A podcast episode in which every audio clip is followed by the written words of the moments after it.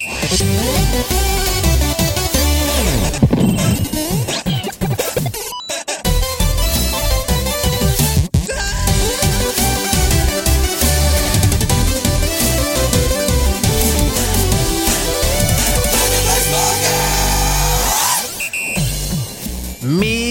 kjære nerder og nerdinner og alt imellom og alt på siden. Hjertelig velkommen til nerdelandslaget her på tampen av eh, juni. Eller ja, vi er midt i juni. Det kan vi, nei, jeg liker å si på tampen, for det høres ut som høres litt mer spennende ut. Jeg sitter her ved siden av eh, en lady som har gått over til sommerantrekk. Det er blomstrete gevanter, og det er roser i skinnene. Det er Ida Håpestad.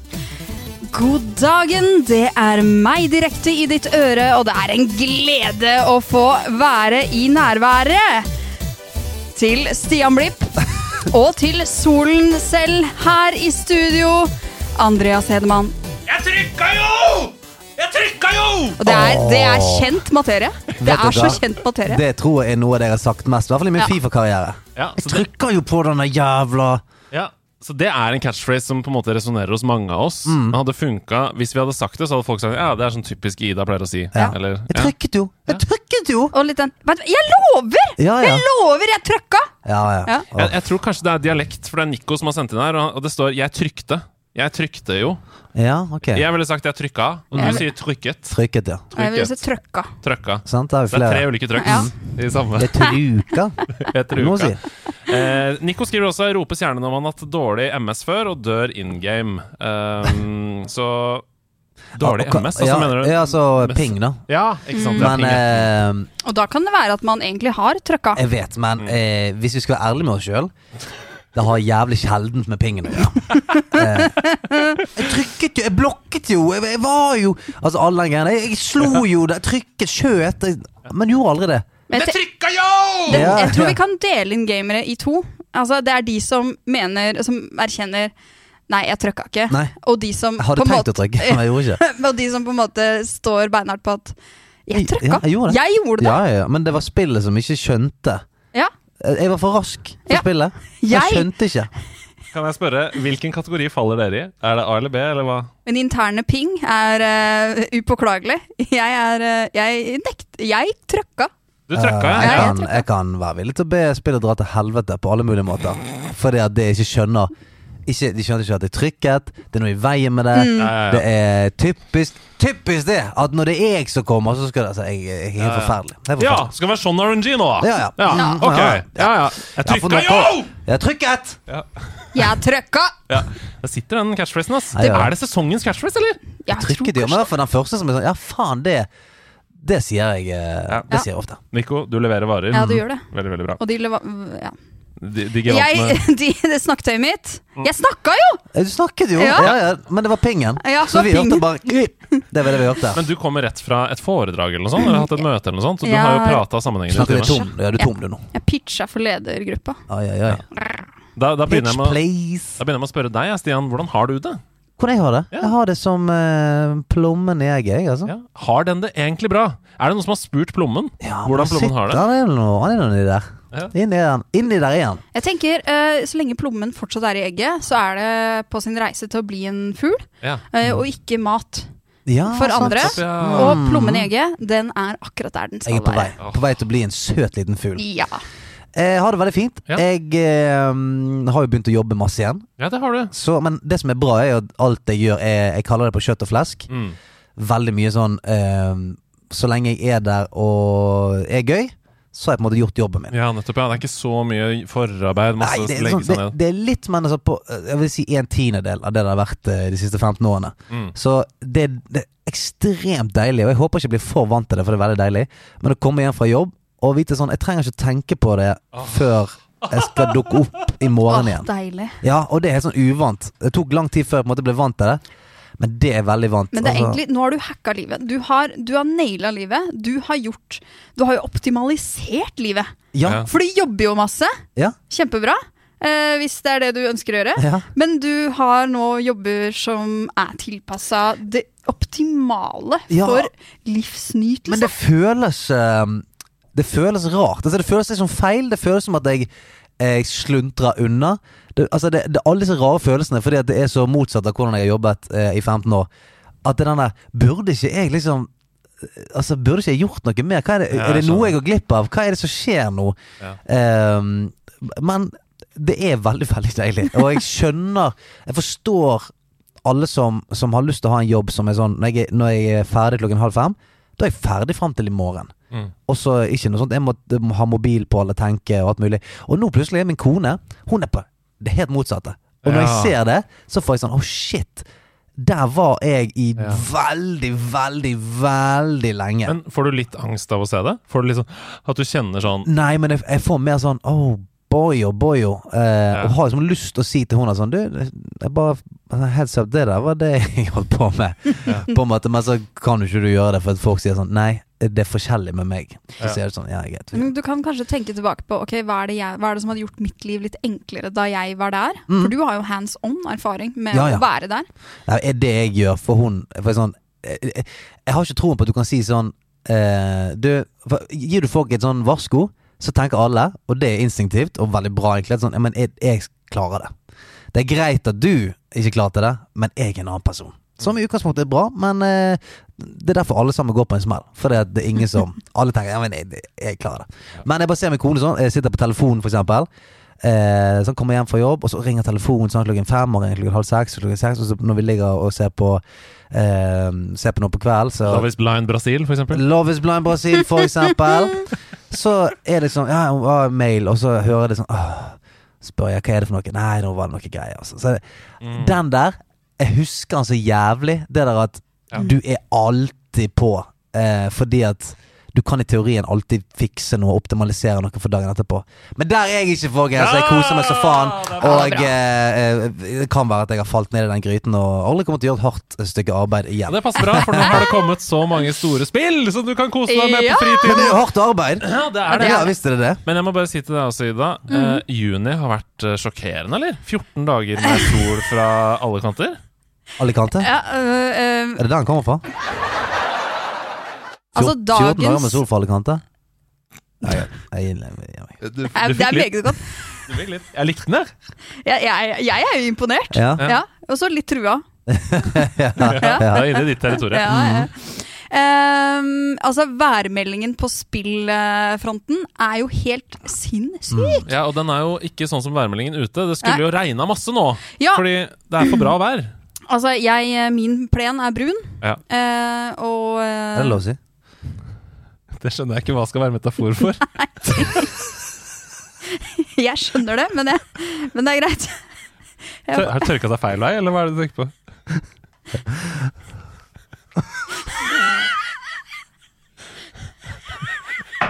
jeg orker ikke.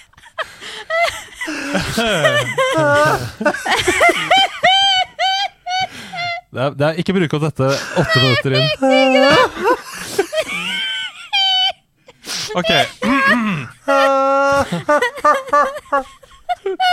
Ja. Fuck! eh, Men min plen er også brun. Eh,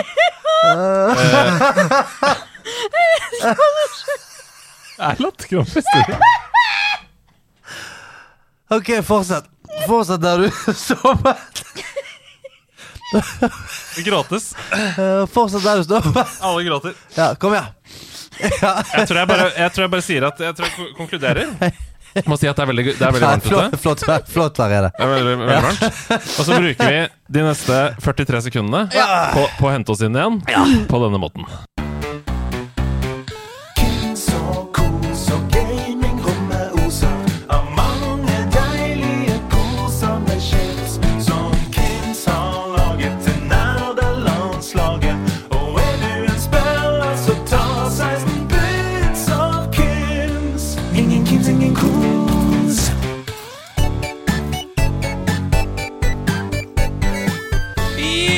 Ja. Ta 16 bits av Kims! Ja. Er du en spiller, så ta 16 bits av Kims. Jeg kunne ikke sagt det bedre sjøl om jeg hadde prøvd. Martin Herfjord, tusen takk til deg. Velkommen til Kimsland. Oh. Er dere innbyggere i Kimsland? ja, jeg ja, ja. eh, Skal vi spille Kims lek nå? Vi skal ikke spille Kims lek, men det, hvis, hvis Kims hører på dette nå, det må dere implementere i Ja. sommeravslutningen deres. Kims lek på, på fabrikken. Vi har jo fått Vi sitter på House Nerds. Det vet du alle. Som eh, hører på denne podkasten regelmessig, eller som ser på Twitch. Og vi har fått inn alle de tre nye smakene til Kims. Salt crunch, pepper punch, paprika kick. Jeg er litt uh, irritert for at det ikke heter paprika munch. Okay. Salt crunch, pepper punch, Ja, paprika, paprika munch. Burde hete. Okay, ja. Eller paprika lunsj. kunne- ja. Det kan det hete. Ja, Nå er, ja. det heter i hvert fall paprika kick. Men uh, de har tatt helt av her på, uh, på Hon. De smakene og det er, Jeg sier ikke dette fordi vi er sponsa av Kims. Vi selger ti ganger så mye potetgull på uh, Hon som vi gjorde før. Da vi hadde et annet merke. Så det er vi veldig happy med. Og dere sitter nå med hver deres lille tallerken av de tre nye smakene Ja. foran dere. Dra de fram, dra de mot Ja, ja, dere, ja. sånn at dere kan se dere. Og det vi skal gjøre nå, det er rett og slett en smakstest! Vi skal smaksteste de nye- tre nye smakene. Salt crunch, pepper punch og paprika kick. Eh, vær så god, begynn med den første. Hva er den første? Nei, Det vet jeg ikke. Det får være opp til deg. Jeg vil ikke at du skal føle på forhånd og tenke sånn Hm, nå forventer jeg en smak. Hva, hva, hva smakte denne? Dette er pepper. Det er pepper, ja. Den er god. Den er god. Det er mye smak. Ja. Og jeg er egentlig ikke så fan av rifla, Nei? men, Hvorfor ikke? Det er så ja, rart men, for meg! men i den nye serien til Kims Mm. Så er til og med jeg blitt fan av rifla. Ja, det er veldig, hvorfor? det hvorfor er minirifla. Det liker jeg. Nei, jeg men vet hva er det du ikke liker med rifling? ikke. Eh, Det du har sagt før, er at det er bedre å dippe med glatt. ja, Har du det sagt? er bedre å dippe med glatt. Nei. Jo. Nei, det er jo derfor riflene er laget. For det skal stikke mer. Det skal være mer friksjon på uh, Altså Feste krydderet seg bedre, så det blir Ja, bedre smak. det er friksjonsbasert. Ok, Hva syns du om pepper? nå skal jeg prøve meg på en liten pepper her. Ja, Eh, Pepper rett i nebbet. Mm. Mm. Det, det er god knas, i hvert fall. Det Ja. hører vi. Det er meget eh, god knas. hjem. Jeg er veldig glad i um, Jeg har alltid vært glad i den klassikeren. Den salt og pepper. Mm. Ja. Um, Ja, ja, ja. eh, og pepper, der mener jeg det er en av de evige klassikerne. Mm. Så, og jeg liker spesielt den eh, å dippe med. Jeg liker ikke å være så funky med hva jeg dipper med. Mm. Så Så pepper er en perfekt sånn. Ja. Eh, Gå for salt. Ja, eh, Gå for salt nå. Fordi, eh, tenk på, Husker dere Chips Ohoi? Husker du den gamle chipsen som er borte? Så smakte sånn masse salt. Havsalt inn. Jeg elska Chips Ahoy. Ofte brukte jeg eh, lørdagsgodtpengene mine på å kjøpe Chips Ahoy. Den har vært borte i mange år. Her føler jeg erstatningen. Dette er altså Det her, det chipset her, har ligget på undersida av øh, øh, taubåten øh, Elias. Så havsalt er det. Ja, vet. Og det er deilig. Men det jeg liker med han, er at eh, For jeg, jeg spiser mye chips. Du også spiser mye chips. Ja, veldig Du spiser jo faen en pose om dagen. du må roe deg litt ned. Men eh, eh, jeg er sånn jeg kan, jeg kan finne på å bånde en pose chips eh, på en god kveld. Mm. Og hvis det er veldig salt, så merker jeg da Mm. Da blir jeg helt eh, Altså Da ryker det gjerne liksom halvannen liter eh, Ja, cola også ja. eh, samtidig. Eh, Det er jo et godt mens måltid. denne her er sånn Den er god å Jeg har en sånn barnslig ting jeg gjør, altså sånn som fuckings barn gjør. Mm. Hvis det er saltchips og sånn god chips etter, Mm. kan jeg ligge og suge de. Faen meg helt, uh, helt tørr. Mm. Og det, det kan jeg gjøre med den der. Siden den siste smaken er paprika kick, så setter jeg på litt uh, bakgrunnsmusikk. Ok Jeg kan jo nevne at uh, i løpet av våren så har jeg og min samboer spist 18 poser paprikakick. Det var den du Det var den jeg valgte. ja, mm. Eh, så jeg trenger ikke smake på den engang. Jeg vet at den er meget god. Anbefaler å kombineres med eh, gutt dyppe, dippe i Guds pureste rømme. Guds Ja. pureste rømme uten noe dypp. Rett i rømma, rett i kjeften. Altså, dette her er jo uh, Du kan ikke kødde med det. Det er Mhm. nydelig, det er klassisk, uh, og det funker. Mm. Det er det det gjør. Deilig. Hva er deres favoritt? Er det Konkluderer dere med at det er paprika kick som er det dere liker Nei, best? nei jeg eh, Altså, av disse tre av disse tre. Av disse tre Ja. så er jeg nok uh, på pepperen. Du er på pepper? jeg. Ja, jeg er på pepperen. Hva med deg? Crazy nok, selv etter 18 poser, fortsatt paprikakick. Å, og det er så sjukt, for jeg, dette er ikke avtalt, men jeg er Salt Crunch. What?! Yes. Vi har hver vår favoritt! Fy flate. Vi er hver vår starter-Pokémon. Det er det vi er. Så det sier om hvorfor dette fungerer. Hva er din starter-Pokémon? Uh, Bulbasaur. Mm. Alltid. Din? Charizard. Er det det? Charmander, altså. Ja. Mm. Jeg tenker bare framover. Er du en Dr. Squirtle? Eller? Nei, jeg, jeg, det er kanskje Charmander. jeg. Det er Charmander, du. Ja. Anyways, det som er helt konge, det er at du kan nå vinne og innse hva som er din favoritt. Du, du kan nok en gang vinne et helt års forbruk av potetgull fra Kims, som du kan kose deg med når Hva, du hva er et årsforbruk? Ja, det jeg tror jeg er fire kasser. Ja, det, lord. det skal holde, det, altså. Lord! Det skal holde. Jeg, jeg, vi fikk jo en kasse hver. Ja. Den er ikke tom, den ennå. si Sånn. Jeg, tror, det er, jeg tror det er sånn 60 poser eller noe sånt, så da har du over en i uka da, gjennom hele året. Ja, mm. det bør, uh, bør gå greit, det. Anyways, og uh, Kims vil jo gjerne at du skal kose deg med det når du gamer. Så du kan gå inn på Instagram eller Facebook på det innlegget som vi legger ut hver uke, som er sånn Her er ukas episode, og så kommenterer du 'Ingen Kims, ingen kos', og så trekker vi en vinner før neste uke, som vinner ett års potetgull fra Kims. Da får du alle tre smakene! Så kan du finne ut sammen med deg selv, eller familien, eller venner, hva du liker best. Altså, deilig. Tusen takk til Kims, alltid på laget. Men hva gamer du om dagen?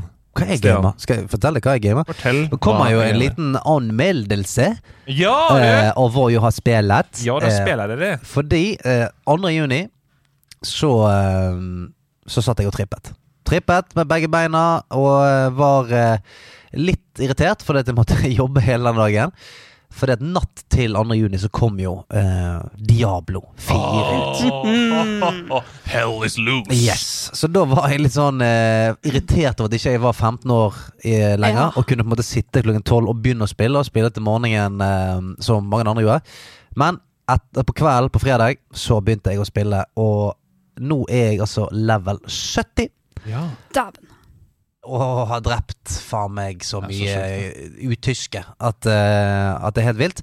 Så nå har jeg fått anmelde det. Mm. Så jeg skal ikke si så veldig mye mer uh, før folk hører den anmeldelsen, men jeg kan i hvert fall si at det, det, er veldig, veldig, veldig veldig veldig gøy. Og launchen gikk Jeg har aldri vært borti en så smooth launch fra et multiplayer-game.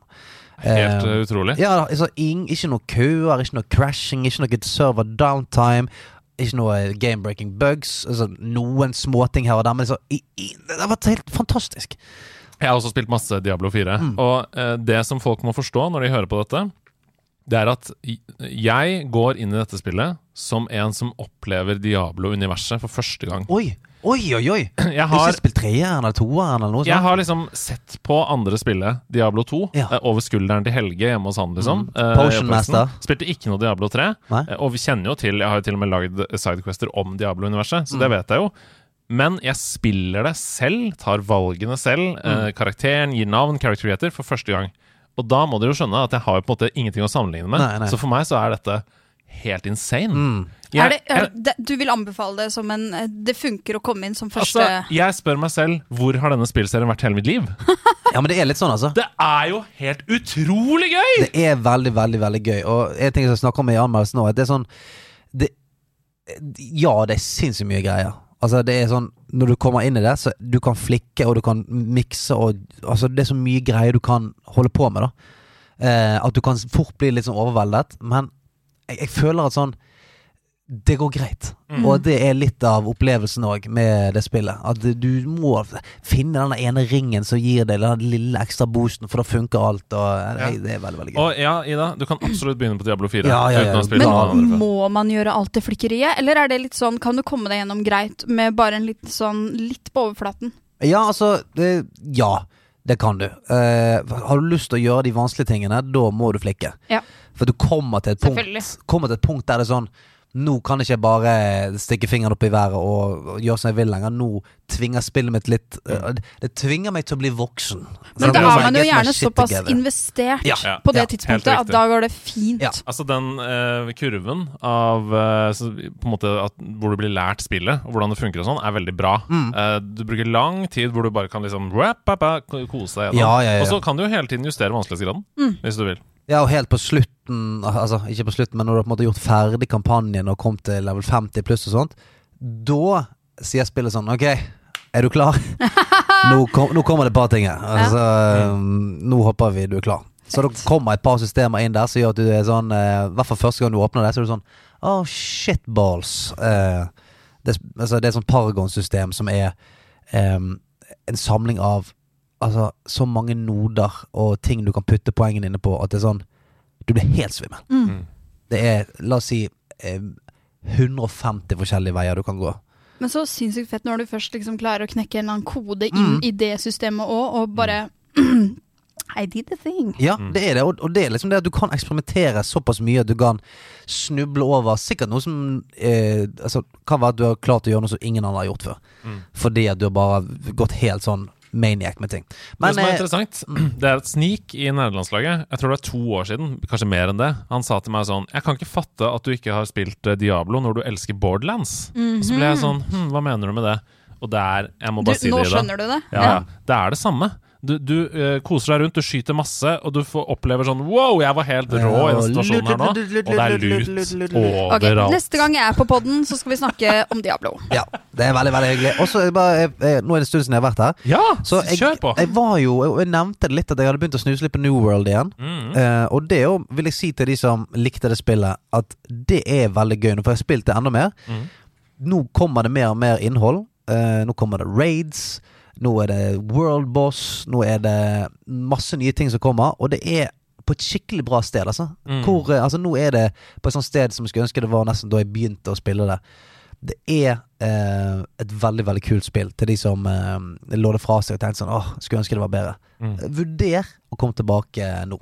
Det der, akkurat det der uh, er jeg veldig glad for. At sånn Games as a Service, da, uh, enten det er MMO eller hva det er, uh, faktisk lytter til feedback. Mm. eh, sånn som No Man's Sky. Jobber med spillet. Og så to år etter så kan man si sånn Men dere, ikke, ikke sleep på det her, for nå er det kjempebra. Mm. Det er mange som har sagt det om Fallout 76 i Ja, det siste. ja, sånn har Jeg hørt det igjen. Sånn, nå er det skikkelig bra. Så selv om det var en horribel launch, og at det første året med det spillet var krise, bare gi det en sjanse, liksom. Mm. Hvis du syns Fallout er gøy og, og skyting. Ja. Så, hmm. Så det er egentlig de to tingene jeg har spilt. For jeg har, etter at Diablo kom ut, så har ikke det vært tid til så gjerne mye annet. For jeg skulle skulle få nok info til å anmelde det. Altså, du er jo level 70 og pluss, jo. Det holder, det. Herlighet, det er jo Det helt rått. altså. Ingen skal si at det ikke er en kvalifisert anmeldelse. Nei. Jeg må spørre om én ting først. ja. Hva liker du best? Liker du best å spille alene eller med venner i Diablo 4? Mm, Begge deler. Ja. Eh, Jeg syns det er to veldig tilfredsstillende opplevelser. Å spille med venner er gøy, fordi at da eh, tar vi gjerne og pusher vanskelighetsgraden opp litt, og det er litt sånn skriking og hoiing og god stemning. Men så er det òg veldig deilig eh, å bare sånn Nå har jeg spilt det så mye eh, at nå har jeg liksom skrudd av musikken på Ja. det litt, fordi at eh, Nå kan jeg på en måte høre på annen musikk mens jeg Mm. grinder dungeons og sånt. Og det er jævla sånn deilig. Mm. Jeg merker at jeg, jeg savner alltid et sånt spill hvor jeg kommer på et sted der jeg har så kontroll at jeg bare nå koser jeg meg bare Mm. med det, fyker litt rundt og Å, oh, stemmer, der var det en liten sånn greie jeg trengte. Altså, bare så kose meg med det. Den beste Eh, som et fuckings strikketøy, liksom. Ja, Når du, liksom, du, du hersker litt i spillet. Ja. Bare jeg, jeg, jeg kan det her, jeg. Ja, bare nå skal jeg bare inn og ha meg Ja. Dungeon ja. to, liksom. Og så går du inn der, spiller en halvtime, og så er det good igjen. Det deilig, altså. Deilig. Det, deilig. der er den beste følelsen i gaming. For da Ja. bruker man det sånn som andre bruker svømming, Mm. eller å gå tur. Ja. Liksom. altså, du bare tømmer hodet. Ja, det er bare, ja inn, og, inn og koser meg litt. grann. Og resetter mm. etter en arbeidsdag, klar for neste dag, liksom. Ja. Og det er som digg når det ikke er for sånn dailies. At det er sånn eh, du må inn og gjøre det, Mm. og det kanskje egentlig ikke gir deg Men når du er, du, du er på et sted hvor det er Man mestrer det. Det er små utfordringer, men det føles bare så digg, liksom. Det gjør det, altså. Det er veldig, veldig gøy. Og så eh, Ja, jeg gleder meg liksom til å prøve de andre klassene òg. Ja. For nå har jeg jo bare spilt én til, til, det- ja, til level 70. Ja. Og det er sånn eh, Det tar tid, altså. Mm. Eh, det, man kan bli level 100, men det er sånn fra 70 til 100 så er det faen meg millionervis av Mm. eh, XP. Det tar skamlang tid. Ja, det gjør det. Eh, den der eksponentielle veksten, ja. Altså Ja. fra, fra 9 til 10. Det er noe annet enn fra Ja, 70 Ja, du bare merker at uh, Helsike, det er seigt. Hva med deg, da? Hva er det du har spilt siden sist? Det er jo en stund siden du har Nei, det er det ikke. Det To er uker ikke så lenge siden du har vært her. Kan jeg først begynne med å si et par andre ting? Ja. Ja. Uh, det skjer mye kult nå i uh, datakulturverden. Mm. Uh, må bare tipse i to tips. Mhm. Eh, kulturytring i Drammen skjer neste uke. Hey. Og der skal faktisk eh, eh, jeg sammen med UKM og Hyperion ja. snakke med eh, to politikere eh, om eh, Vi skal rett og slett spille litt og snakke litt om dataspillstrategi. Og hvordan det påvirker klubbfeltet. Så er det på Kulturytring, så ta turen. det der, det er vår Det er så Det der er vår oppgave. Men det er så deilig at, at vi har fått Ida inn i den miksen. Altså, det er ikke lenge siden det var sånn eh, Ja, du var litt lang i masken, og det var eh, lærer og sliten og mye. Så plutselig sånn Plutselig er vi her. Ja, jeg skal med gjeng, meg og Hyperion skal spille noen spill med noen politikere og preike litt om framtiden til gaming. Hva, skal dere, da? Altså, det er så deilig. Det er sånn det skal være. Ja, det er sånn det skal være. Ida, nå Det, er jeg har vår litt den samme følelsen som deg, Stian, men når det kommer til jobb. bare, Er det lov? Ja. Er det Ja, ja. lov å ha det så bra Ja, på nå jobb? kommer noen og tar det fra meg snart. For det, nå, nå jukser jeg med systemet her. Ja. Du er spydspissen inn i politikerpåvirkning om dagen. Vi, vi har vært på Arendalsuka. Nå er det hverdagen, og du bare grinder på. Skal Ja, jeg på Arendalsuka òg. Ja. da, ja, da, ja, da. Yes! Eh, Vent, da. En, en ting. Å, det er hyggelig, det er hyggelig! Ja, det er en uke til Arendal. Det er ikke det samme, er det det? Om det er en uke til. Arendal? Uke til. Jeg skjønte ikke vi- Du skal? Arendalsuka, en uke til Arendal. Jeg vurderer å ta en uke til Arendal, men det er ikke det ja. samme. Nei, det er ikke det Nei, samme. Nei, det er ikke det samme. Nei. Det kan være imponerende, det òg, med det to barn og ja. ja. Shit, jeg er så dum! Unnskyld. Hva, hva mener du? Hva? Det andre er at jeg må bare også gi tips til eh, alle ungdommer eh, der ute som eh, er litt sånn åh, hva skal jeg i sommer? Ja. Fordi det digitale kulturhuset Nova, som er en Discord-server, der er alle ungdommer velkommen. Jeg mener det er Mm. mellom 13 og 25 år. ja. Der er det moderatorer. Det er masse rom både på fylkesbasert, og det er masse rom for spill, og det kommer til å være masse kule ting som skjer der, som alle er um, invitert til å delta på. Det blir workshops, det blir streams, det blir Deilig. det ene og det andre. Så, så sjekk det ut. Ah, perfekt. Mm. Jeg elsker sånne folk som lager ordentlig opplegg. Mm. Det er det beste. Men uh, til Så- ditt privatliv, da? Til mitt privatliv. Ja, altså det gaminglivet, tenker Ja. jeg på. Ikke sånn Nei, det slarker litt på hjemmebane òg. Ja.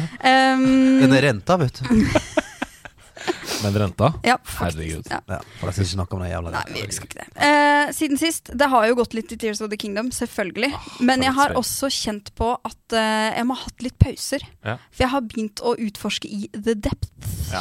Og nå har vi lov deg, ja. Nå har, vi, nå har dette spillet vært ute en Ja, måned. det må Nå være må lov vi å bare si si, hva som eh, helst. folkens, det finnes et helt land under Mm. overflaten. Men det visste vi Kingdom. vel ganske tidlig. Jeg visste ikke før jeg begynte å spille. Å nei. Nei, ikke jeg heller.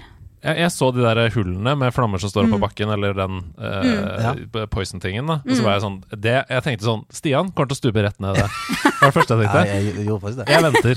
Jeg venter Og så venta jeg sånn ti timer, og så gikk jeg ned og bare Altså, dette spillet er så sinnssykt stort, eh, og, men jeg blir litt sånn Jeg får litt gloom av å drive og spille for mye der nede. Ja, det skjønner jeg. Uh, Men jeg tror at jeg kan jeg føler, jeg føler også at jeg kan velge å ikke være der nede så mye. Mm. Eh, Jeg i hvert fall pusher det litt. Mm. Eh, Men jeg har um, Jeg må bare gi deg et kjempetips, mm, og det gjelder alle som hører på også. Hvis du har lyst til å utforske the depths, mhm. Um, søk på hoverbike-oppskrift yep. på YouTube. Det er én steering stick, og så er det to fans Mhm. som er vinkla. Mm. Hvis du gjør det, så kan du, du kan fly rundt, du kan kjøre hvor du vil. Ja, uten å Og få så- eh, den jævla gloomen. Og så fester du Bright Bloom Seed foran på biken Og så har du lys. som et lys. Se der. Og så bare Ja, ja, ja. Ditt, ditt, ditt, ditt. Det er. Deilig. Det er chill. Ja. Faen, så gøy det er. Altså, Det er så gøy. jeg ser video opp og video ned med idiotiske crafts på Zelda. Altså, det har blitt Det har blitt hele spillet, det. Ja. Altså, hele det spillets claim to fame nå de neste 20 årene kommer til å være de idiotiske tingene som Mm. folk Ja, ja. lager. Men det jeg også elsker med dette spillet, som trekker til det du sier nå, da, er at eh, altså, alle mine sosiale medier er liksom, Min feed er bombardert med eh, klipp fra Selda, Tears of the Kingdom, men alt går på build. Ja. Så ingenting av uh, story Nei, eller Quest har blitt spoila for meg. Jeg tror folk har glemt at det er en story. Ja. Altså, for det er noen av de tingene som folk lager, er Ja, sånn. Du må ha brukt 100 timer Ja, ja, ja, ja. bare på den jævla fyren som står og pisser. Og så sånn, Når folk har liksom sånne ti ekstra batterier, så blir jeg sånn derre eh, Må du ikke ha liksom 100 av sånne Crystalize-greier for å få ett nytt batteri? Og jeg driver og altså, Men det er jo det som er greia, at, at folk har lagt ned så sinnssykt mye spillarbeid for å lage en fyr som står og pisser ned Ja. fjellet. ja. Altså, Og det for, er- for, så, ja, for så å filme de 15 sekundene før hele driten eksploderer og faller fra hverandre. Yep. Det er liksom Sånn, nå har jeg gjort det. Ja. Det var deilig syv timer brukt, liksom. Ja, den figuren vi så, som Ja. jeg sendte GIF, det er fantastisk. Ja, Ja, det er um, Men jeg har også trengt litt sånn break, så jeg ja har titta litt etter uh, noen andre typer spill. Um, sitter jo mye på tog, så jeg testa litt uh, Fant et uh, lite spill som heter Rytmos. Rytmos. Som er et sånn veldig behagelig behagelig lite um, puzzle-spill som også har en sånn behagelig lyd og sånn behagelig Det visuals. høres ut som noe for meg. Det skal jeg google med en gang. Uh, veldig enkelt lite spill. Du kan spille demon før man kjøper, kjøper fullt spill. Mhm. Hvis man ønsker det. Det Ellers ligger på åtte av ti av Steam. Det er jo veldig bra, da. Eh, funker fett på mobil. Eh, bare sånn koselig time-ting. Jeg kan lese beskrivelsen her. Mhm. A relaxing puzzle game, som du sa. Where you create music by solving maze puzzles. Du lager musikk òg, ja. ja. Du sånn Diablo 4-endorfingutten på venstre side. Ah, relaxing. Ehm, ja. Ellers har jeg liksom titta litt innom Ja, nei. Hvordan er det det spilles? Jeg blir jo veldig nysgjerrig på hvordan det Nei, det spilles. er bare at du, du har eh, Det er planeter som går rundt en sol i et slags eh, system, og så Mm. hver planet har forskjellige Vil du kalle det et solsystem? Uh, ja, for Ja. ja. Og så Ja, det er gøy å si. Det er Ja, ja. planeter som går rundt solen i et slags system. Ja, et slags ja, ja, ja. Solsystem. Eh, um, uh, og så drar man bare fingeren for å komme innom forskjellige spots, og så Ja. lager det Og, og hver på en måte del av den ene planeten utgjør Mm. en liten bit av et uh, musikkstykke. Jeg skjønner. Uh, ja. Ta så Google eh, bilder av det, for jeg sitter og ser på et bilde her nå, og da er det veldig lett å forstå. Og så ser det også veldig pent ut, da. Mm. Ja, det er veldig Jeg likte, likte estetikken. Rytmos der. Rytmos. Mm. I Hellas. Skal du ha deg noe, skal du ha noe å kalle rytmos i sommer? jeg tror du skal ut ned på Rytmos i sommer. Er det der man spilte den derre Pappa Pia-filmen? Ja, det er på Rytmos der. Pappa Pia på rytmos. Ja. Uh, Eller så har jeg liksom jeg, Nå er jeg veldig i et sånt sånt savn uh, hvor jeg har eh, Jeg og min samboer trenger et nytt spill for å erstatte liksom Overcooked Tools Up, uh, type uh, Arkade Ja, men litt sånn, litt sånn eh, liksom. ja, ja, ok, ja. ja. Men som er litt sånn tempo på uh, Ja, eh, vi vil ha altså, den derre Det som jeg trodde Buildest skulle bli for meg. Mm. eh, det skal være sånn Ja, du må gjøre de og de Ja, innenfor deg, nei. så Ja. Ja. Mm. Og hvis dere er gode og samarbeider godt med kommunikasjon Ja. og sånn, sånn som de som satte verdensrekord i Overcooked Ja. på Games Done Quick Yes, chef! Yes, chef! ja. Carrots! Yes, chef! Ja, sant. Det, der, Ah. det, er, det er tilbake til kjøttet går-greiene. Ja. sant? Og du behandler det som et jævla Michelin-kjøkken. Og det er da det funker! Ja, ja. Tar kommandoen, Mm. er kokken. Ja, men Nydelig. fortsett. Hvert fall jeg savner Jeg trenger et nytt sånt spill. Ja. Uh, og jeg bare Ja. Når kommer det en ny Overcooked expansion, eller Ja. en ny Tools Up, eller Men er det har dette dere, har dere spilt det ferdig? Liksom? Det, er ikke en, det er ikke en bane igjen i Overcooked? Det som er- er gullstjerner over hele Ja. linja.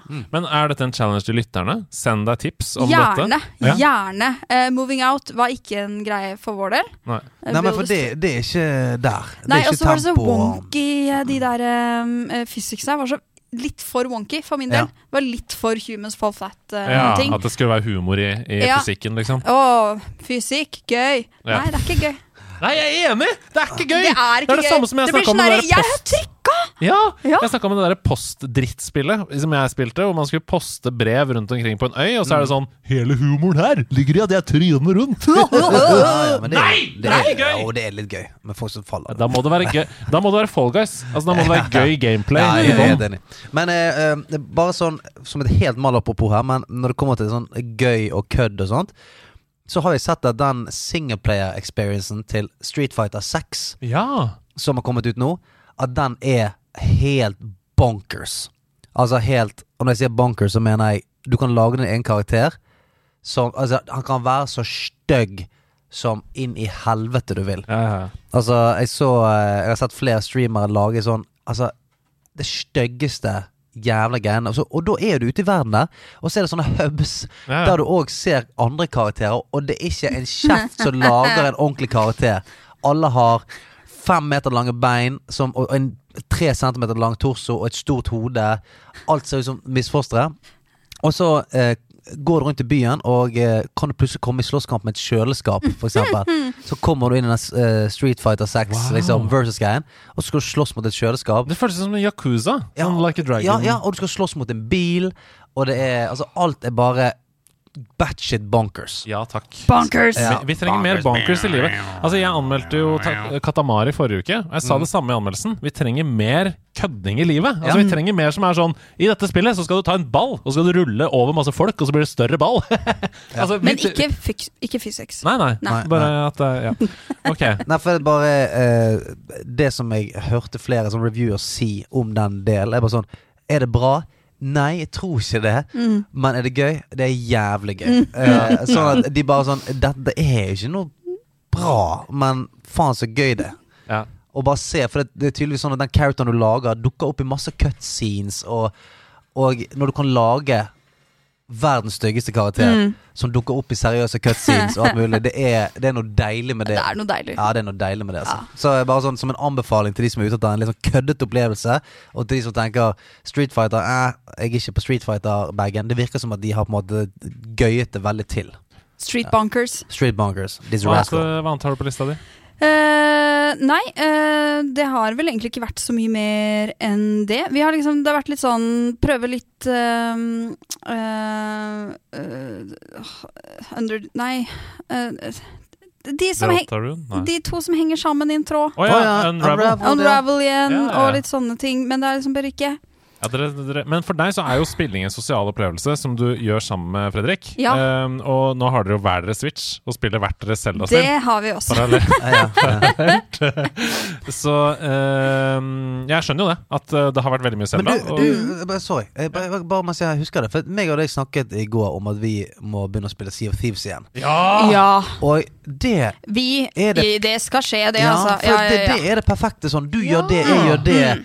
Eh, kan du styre, jeg kan fikse seilene. Den Men- Nå er du veldig der. god. Ja, for, ja, det er ikke dum, den. Og det er eh, Altså, det blir jo redningen når det nye ja, og det er bare en måned til! Vi skal ut. i nyhetsspalten. Ja, vi skal ja, det. det blir deilig, deilig, Ja, men deilig. den er ikke dum, den. Kommer dere ut på sjøen der og krangler litt? har dere testa det tidligere? Fredrik har spilt masse Sea of Thieves.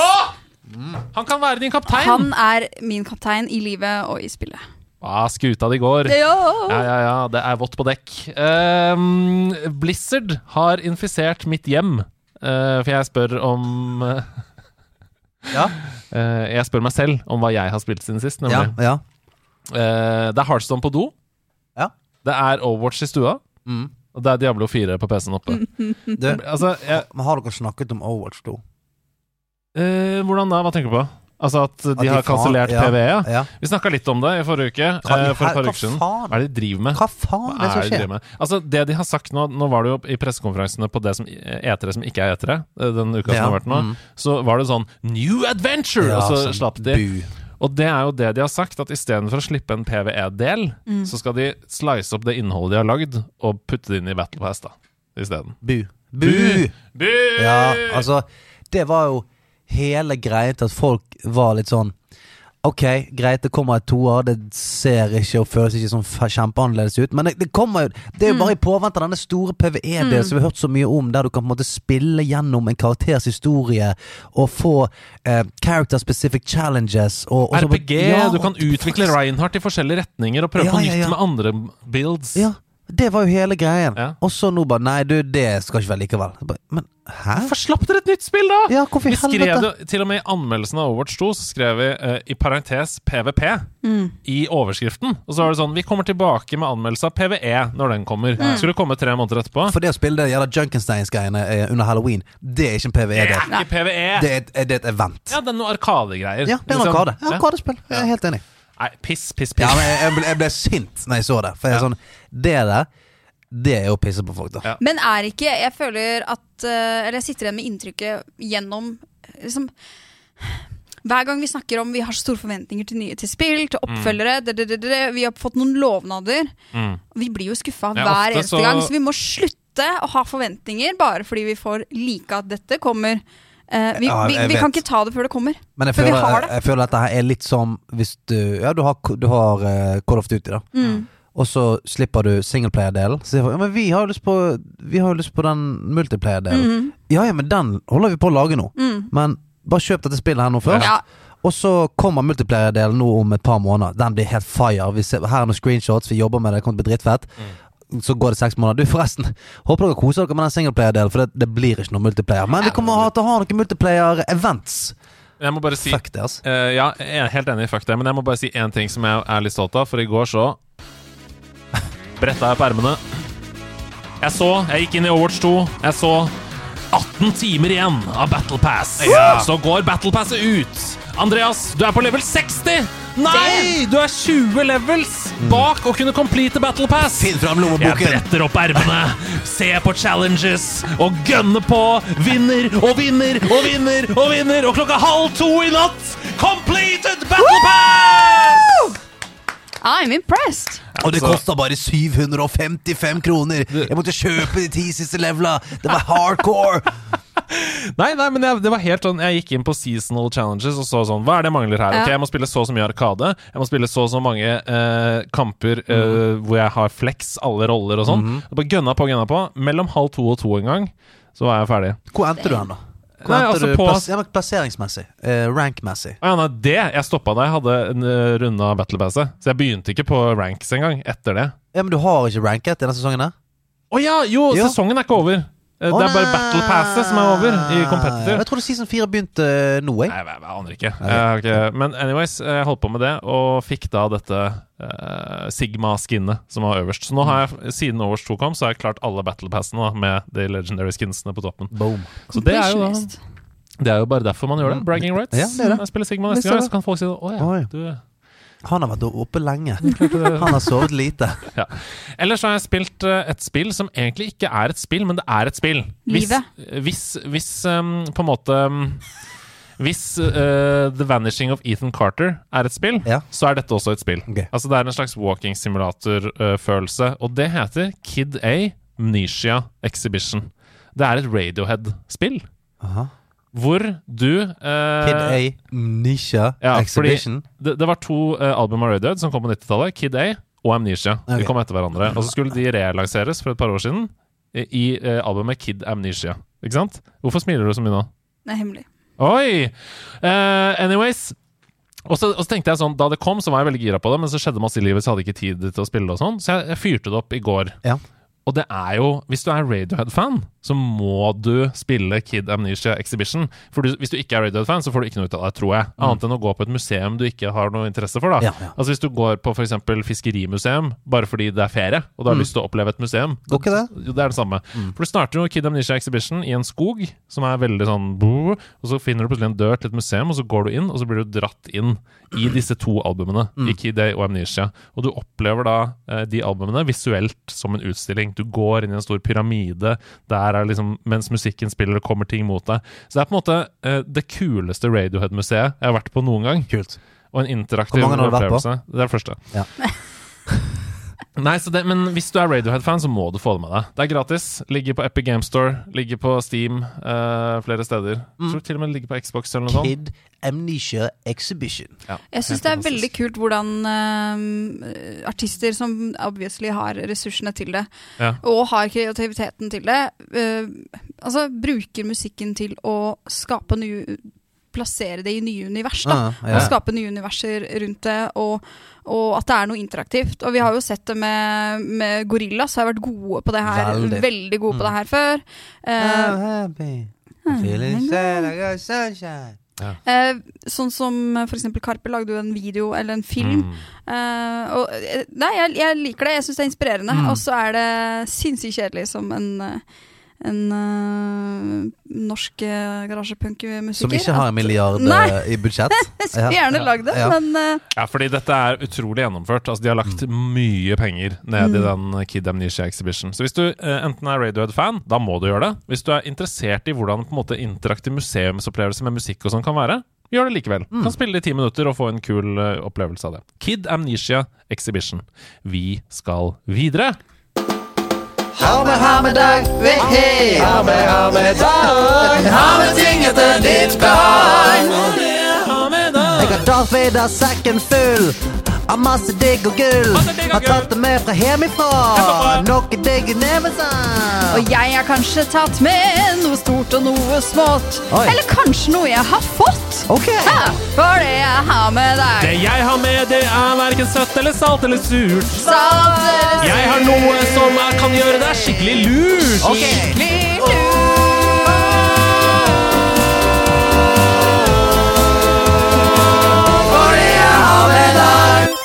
fin harmoni på slutten. Ja, ja, ja. Ja. Kan jeg få litt Du kan få litt eh, mer av meg sjøl Du kan få mer av deg sjøl i monitor. Jeg er så redd for at jeg skal skrike lytteren inn i øret. Det er bra. Der er det bra. Ja. Ja. Deilig. Du skriker aldri. For seint. Eh, skal vi se Det er Biggest lie ever. Darth Vader Second kommer opp på bordet. Ja, den er jo bare Den er der, Den den. er ha-med-dag i seg selv. Ja, men For en sekk. Dæven. Det er et skall. Ja, Vi må altså beskrive det. Det er en sånn, sånn hardshell-sekk, Ja. som da er rett og slett hjelmen til Darth Vader. ja.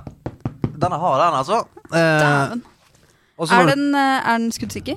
Jeg har ikke prøvd den. Med paintball. Er den, er den lasersikker? Men her, da. Eh, hvis, altså, det er jo mange Oi. Når du går i, i de, de voksne hjem, så Mhm. ser du gjerne en coffee table-bok av av mm -hmm. Terry Richards, famous photographer, eller Dior, eller Chloé. ja, som ingen har lest. Den Nei. ser helt tydelig ulest ut. Hjemme hos meg så kan du for eksempel se eh, Det dras opp av sekken nå. En tjukk bok! Den har!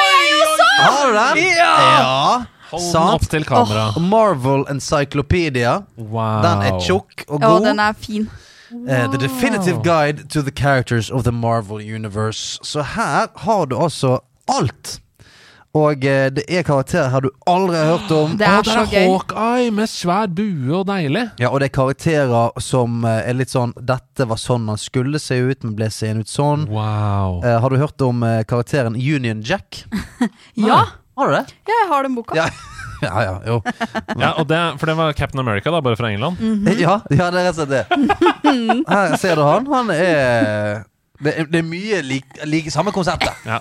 Men det jeg si. liker så godt, det er at dette er jo før på en måte Marvel Cinematic Universe uh, fikk kloa i uh, karakterene. karakterene. -hmm. Så dette er jo nitty-gritty tegneserie hele veien hjem, liksom. Ja. Det føles som de Ah, det er levd liv! Det henger noen uh, klesrester der, ah, noen filler. Det er liksom, det er ikke så polert da som det ofte er i Hollywood. Nei, og så, og så er det også sånn når du leser gjennom, så er det sånn Ja, det var ikke alle Det var ikke alle Det var som ikke alle de lagde som på en måte hørte hjemme det er, i litt på sånn, det er litt som Pokémon. Det er ikke alle som er Noen er bare Ja. Det blir ikke noen hero- film om. Eh, Ja, ikke sant? Ja. Ja, nei, det er sånn han du bare lagde Han Skjelmet. Ja. Han uh, var laget på en mandag. Ja, men Det den er ser jo helt utrolig fin ut, da. Ja, det- Eh, det er sånn jeg kan bare hvis det er, Spesielt hvis det er sommerferie, Mm. hvor man på en måte har åpne dager. Og tenker sånn I dag så skal jeg bare sitte på balkongen, drikke Fanta med isbiter Mm. og lese i denne boka. Mm. Og bare bla og se på bilder og kose meg. Jeg pleide, jeg hadde en periode hvor jeg hadde en, eh, en running greie med at jeg sendte eh, bilde av en karakter om dagen. Ja. Litt sånn dagens karakter. Ja, ja, ja. For det er jo veldig mange sånne små, litt ukjente karakterer med en sånn kort beskrivelse. Hvem er det, og hvor, hvor har det en appearance? Som for Eh. eksempel Puck. Ja, for eksempel Puck. Hørt om Puck? Eugene spiller- Judd. Spiller hockey med det rett som det er. Hei! hey. Nei, men så gøy. Eh, hvor kan man få tak i den, vet du det? Den Marvel Eh, Encyclopedia-boka? Denne kjøpte jeg nok på Outland, ja. ja. Eh, Så våre venner i Outland, uh, gå ned der. mm, Si Hei, jeg skal ha et stykk av ditt peneste Marvel Encyclopedia. ja. Og jeg har, blitt, eh, jeg har blitt glad i, i sånne type bøker. Jeg har- kommer til å kjøpe mer av det framover. For det er sånn, sånn som nå. Merket jeg bare jeg skulle, skulle jeg bare se litt igjen. Så ble jeg så falt, har- Jeg falt litt ned i boken. Ja, du gjør gjør bare, det. Ja, det er mye kult. at vi har Det er, ikke, det, er ikke, det er ikke som en nettside. Nei, det er ikke det. Det er deilig. Åh, nå hørtes det, det, det Nå var vi veldig gamle, Ja, ja. men det er sånn det skal være. Ja. Kan ikke scrolle gjennom denne her. Ah, og det er i hvert fall ikke skrevet av en AI! Nei, I hvert fall Eller ikke. er den egentlig det? Ma, ma, ma, ma, ma, ma. Kanskje Ja. det er eh, superhelten AI fra Marvel-universet. Mm, artificial ja. Hva Så har dere med dere? Jeg har med meg et tips til Hei. dere. Og jeg vet at jeg fremstår som kanskje Norges største Erlend Mørk-fan i denne podkasten. Jeg har snakka om Radio Mørk tidligere, en podkast jeg er veldig glad i. Nå vil jeg ha med et tips om Trygdekontoret. Ei. i podkastform. For Trygdekontoret er jo et TV-program som har eh, gått sin seiersgang over nasjonen i mange mange år, med Thomas, Thomas Seltzer. Nå er Thomas Seltzer i pappaperm. Huh. Derfor har Erlend Mørk Ah. tatt over Trygdekontoret sin podkast. Og det er så tydelig at Erlend Mørk har vært eh, Trygdekontoret-fan hele livet. Han sier det også, det var det første programmet jeg falt for da jeg var sånn syv år, sier han i første episode. da han har tatt over. Og han har gått så all in i det at hver episode er så gjennomarbeida. Det er så utrolig, og det er så kult å høre folk som lager noe som de virkelig på en måte har snudd alle steiner da, før de går i studio for å spille det inn. Det er liksom ikke sånn Nå skal vi snakke om kunstig intelligens, så jeg bare synser litt om det, jeg. Ja, ja. Det er sånn Nei, her er det en ekspert på kunstig intelligens som snakker om det, og som er veldig optimistisk og positiv og forteller fine ting, og at det handler om kontroll og sånn. Og så i neste episode Hvorfor er det norske herrelandslaget i fotball så dårlig? Ja. Og så snur de alle steiner om hvorfor vi er så dårlige. Det, det, er, det er rett og slett en kjempebra podkast. Utrolig gjennomarbeida, som du lærer masse av å høre på. Så Fett. Trygdekontoret, hvis du har lyst til å levele opp dine ja, hva skal jeg si, Din intelligence, ja, bare sånn samfunnsskills mm. generelt. Så det var min uh, ham i dag. Og Ida, du meldte jo fra uh, at du har skrevet troféskap og hatt masse ansvar. Kan jeg komme med et musikktips? Vær så god. Eh, sjekk ut eh, det finske bandet Tekst i TV 666. Tekst i TV 666. Det er helt kongebra. I TV. saks, TV 666. Jeg vil også prøve. Tekst i TV. Ja, du var egentlig best. Ja, det var Hei, kjære spiller på nerdelandslaget. Hei, hei! Det er jo en glede for oss å fortelle dere at vi har inngått et samarbeid med selveste Visa. Hæ? Visa har jo på en måte alltid vært der. Det er jo noe vi forholder oss til og bruker hver eneste dag. Ja, altså Det har jo fulgt oss hele livet, og jeg husker veldig godt hvor stas det var da jeg fikk mitt aller første visakort. Det var både stort og viktig. Foreldrene våre de var opptatt av å lære oss til å være forsiktige, behandle det på en ordentlig måte. Det var en trygghet på en måte å betale med Visa.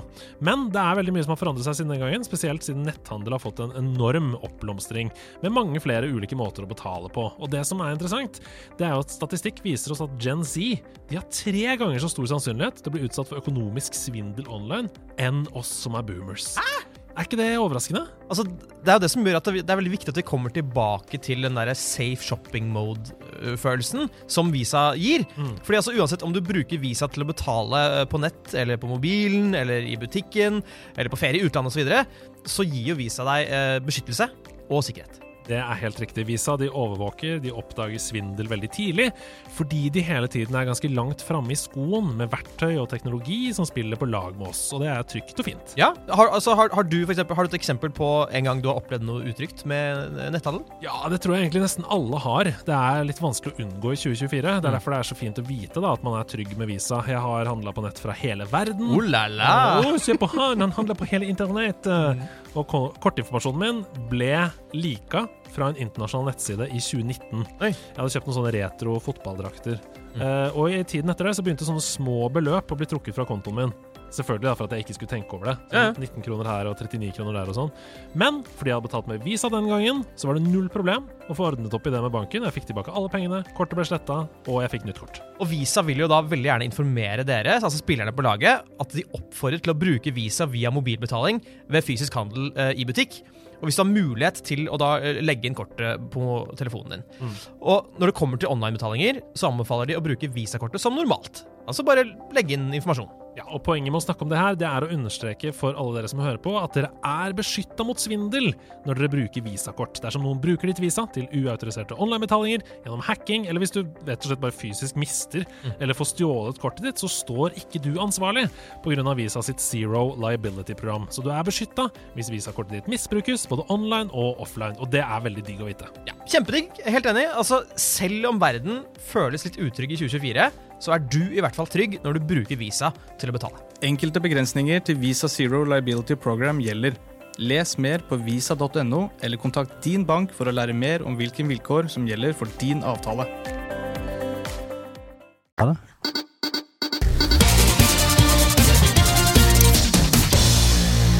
Jeg trykka!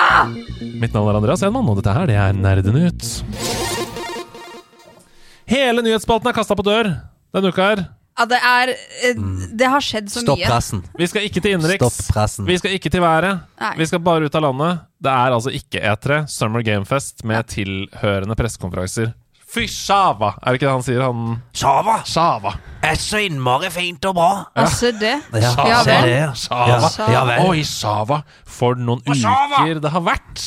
Og det er ikke over heller. Eh, siste pressekonferanse er Upload VR Showcase onsdag 14.6 klokka 8. Og det kommer til å gi oss dypdykk i kommende VR-titler og noen nye indie-spill. Men det er ikke det vi skal snakke om nå. Vi har plukka ut det som vi rekker å snakke om fra de siste eh, to ukene. Gå inn på liksom pressword.no, gamer.no og finn de um, områdene hvor det står sånn Her er alt fra Ja. det siste, hvis du trenger mer. Det er bonanza. Ja, det er Det bonanza. er så mye. Hosianna. En gjennomgangsmelodi, da, hvis man skal på en måte i overflaten bare oppsummere, er at Xbox drepte det helt fullstendig. Oh, Det var mye spennende. yes. Var mye spennende derfor, altså. Ja, men vi spoler litt tilbake før vi kommer dit. Mm. Men aller aller først, i nyhet nummer null, fytti fucking Starfield. Mm. Ja, ja, ja. For en bananas presentasjon av Starfield vi så. Jeg mener at det kanskje er det mest ambisiøse Triple A-spillet noensinne. Det ser ut som et spill vi kan spille i ti år. Ja, det ser veldig, veldig kult ut. Og så eh, Det som for meg eh, gir meg sånne hint om at de er på et godt sted med utviklingen, er at de, eh, de er flinke til å dele ting. Og så nå, nå deler de sånn overskuddsting. Eh, som for eksempel, det er jo en, uh, en karakter de har i Starfield, Ja. som er sånn fan. Ja. Som eh, de har implementert fordi han har vært med liksom, i, i Oblivion. Oblivion og har vært med i Elder Scrolls Online. Mm. Som er en sånn gjengangerkarakter som nå har dukket opp i liksom, Starfield. i Starfield. Og da, sånn, da begynner du Da er du over på krydderbøssen, føler Ja. jeg. Da er du over til liksom, hvor kan vi finne gøyen her? Mm. Og ikke bare sånn hvordan skal vi få dritten til å funke? Så jeg er veldig positiv. Ja, for det er jo disse De, de prata om ja, the abilities, hidden abilities, Mm. eh, Mm. som bare er liksom Ja, du vet ikke når i spillet. Du kanskje får bruk for det én gang. Mm. Plutselig Der. så skjer det. Og det vitner om at her er det Det er gjennomarbeida bredt. mm. Her er de Ja. Det er superimponerende. Jeg tror vi må lage en hel Sidequest som bare er eh, Starfield-forventninger, for det er så Mm. mye å snakke om. Altså, dette er fem spill i ett spill. Ehm, de, de lager et spill som de sier at er en like fokusert og engasjerende historie som på en måte Uncharted. Sant? Main Mm. storyen er eh, et Triple A uh, cutscenes, wow, Jedi Survivor-aktig. Ja. Men de lager også et spill som er en city builder. Mm. Altså av The Sims-stil. Mm. Det er 1000 planeter. Ja, eh, eh, eh, ja.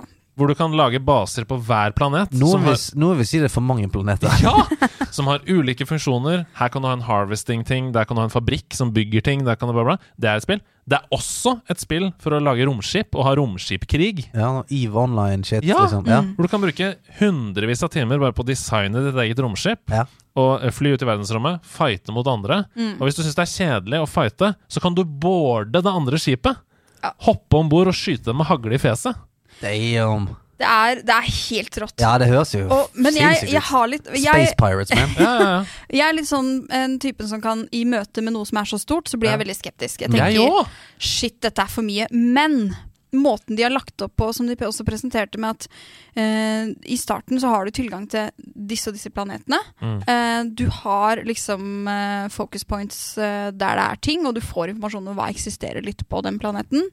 Du har fast travel, og så er det du kan måte, du kan ikke reise til de, alle systemer med en gang. Du må jo bygge deg eh, Mm. oppover, og Mm. du må klare å oppgradere ja, ski, romskipet ditt da, for Ja, ja. å klare å nå flere systemer. Ja, du må ha systemer. lengre hyperdrive og sånne ting. ikke sant? Og da blir jeg litt sånn Ok, men de har tatt dette i betraktning. Vi må bare stole på at de tar hensyn til at ikke vi skal bli overvelda Mm. eh, ved første, ved første møte.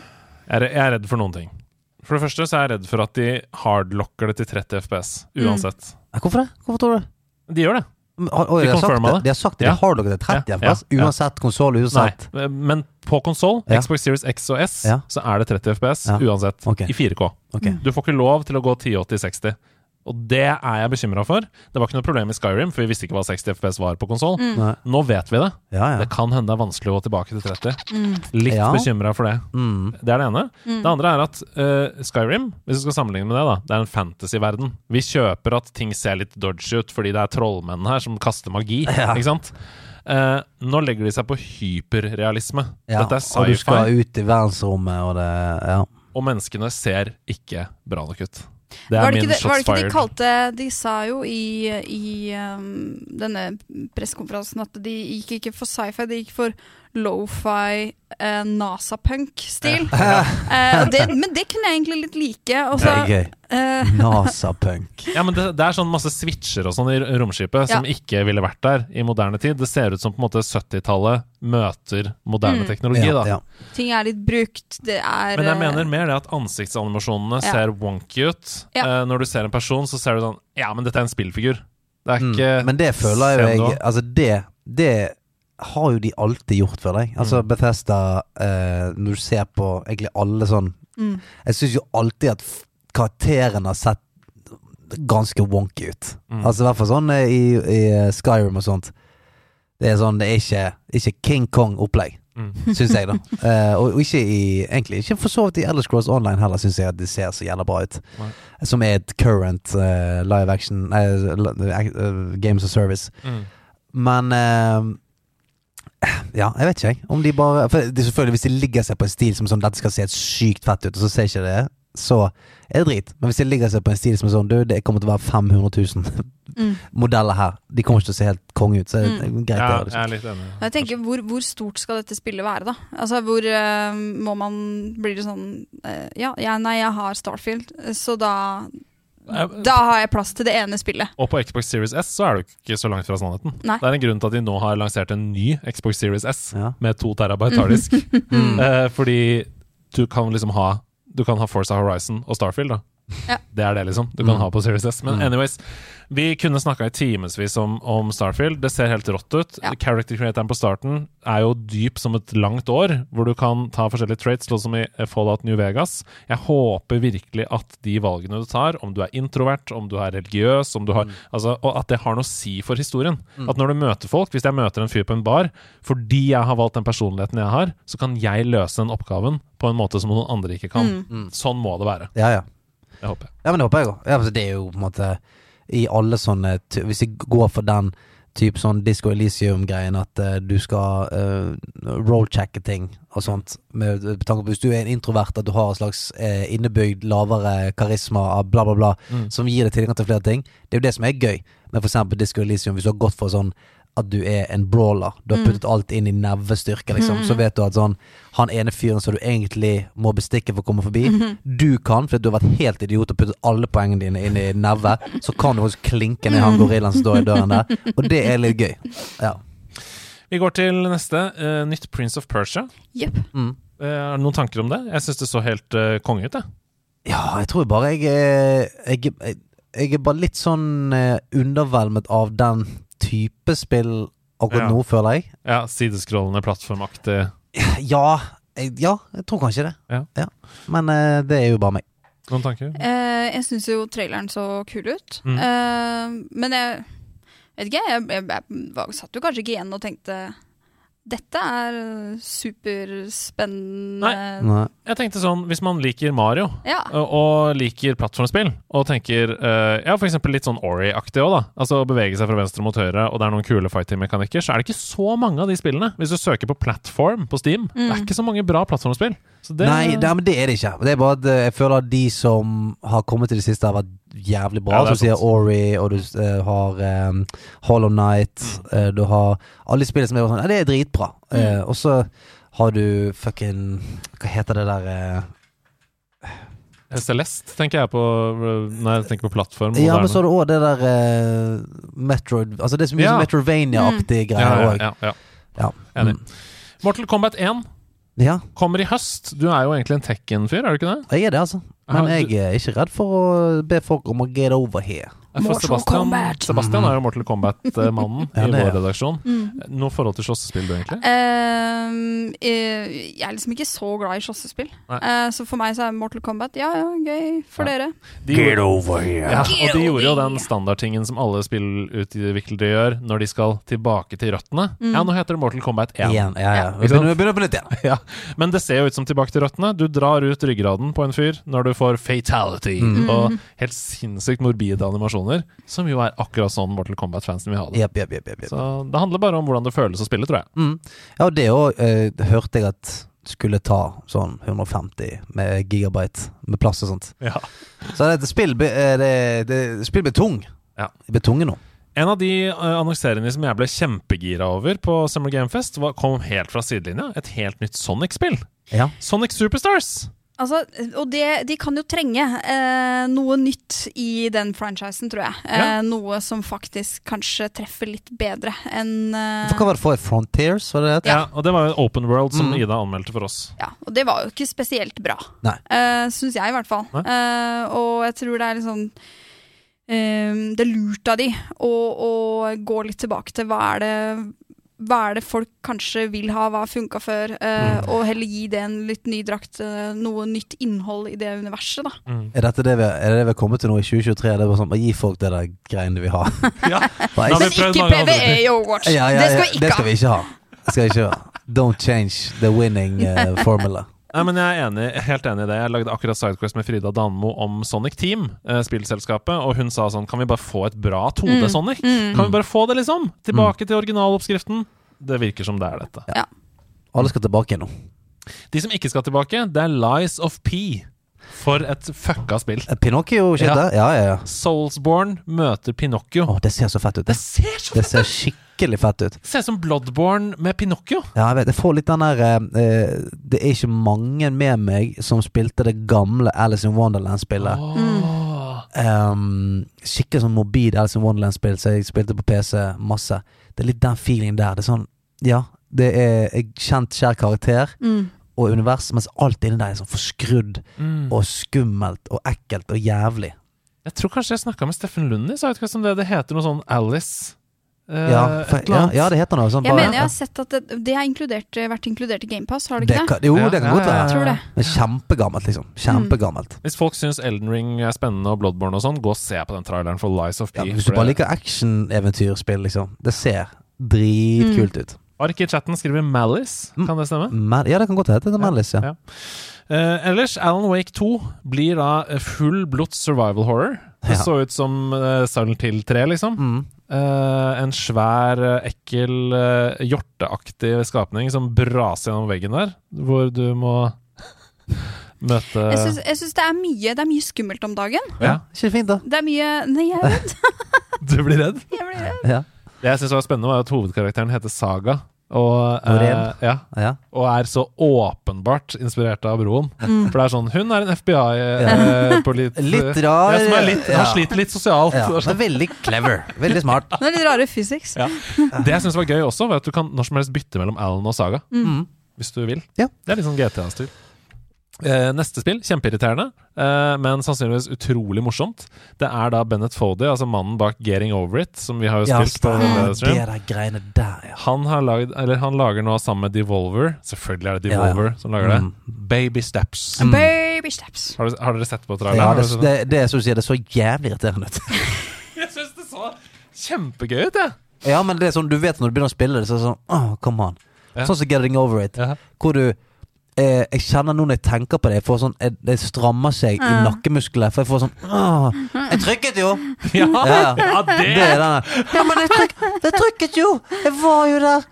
Det er altså en fyr som sitter i foreldrene sin kjeller, som burde ha flytta ut for lenge siden. Mm. Han sitter i en sånn derre sånn onepiece Eller hva, hva, hva, Ja. kalte man det? Jeg hadde sånn da jeg var liten. Pysj. Sparkedress. Ja, En slags sparkedress. Ja. Og så er det sånn It's dinner!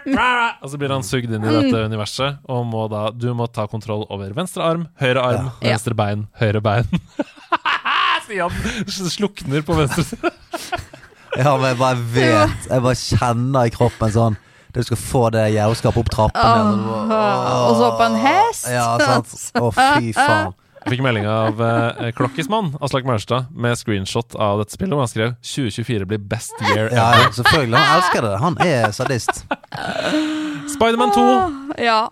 Det har vi snakka om allerede. Eh, det var jo på PlayStation-konferansen. Det kommer i oktober. Fikk Mm. vite litt mer der. Syns det ser ut som et kult uh, sånn Det så det set-piece-spill. så ut som et Spiderman-spill. Ja, det akkurat det. Ja, men det, Det det, det, det, var, sånn- det er Spiderman, det. Men trenger vi det?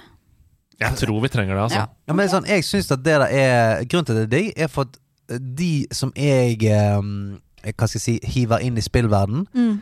anbefaler ofte sånn, Hvis de kjøper seg en PlayStation 5, eller sånt, og de er sånn 'Jeg har ikke spilt så mye på en stund', så sånn, men faen, prøv Spiderman. Mm. Miles Morales eller liksom Spider, Amazing Spiderman. Mm. Og det er sånn ah, Det var bra at jeg startet med, for det er sånn Det er ikke supervanskelig, men det er kjempeimponerende og gøy, og det er følelsen av å svinge seg rundt og sånt. Det er denne Jeg vet ikke, Du får den følelsen av 'Å, faen, spillet er kult', ass. Mm. Og så er det ikke noe, ikke noe vanskelig, ikke noe avansert.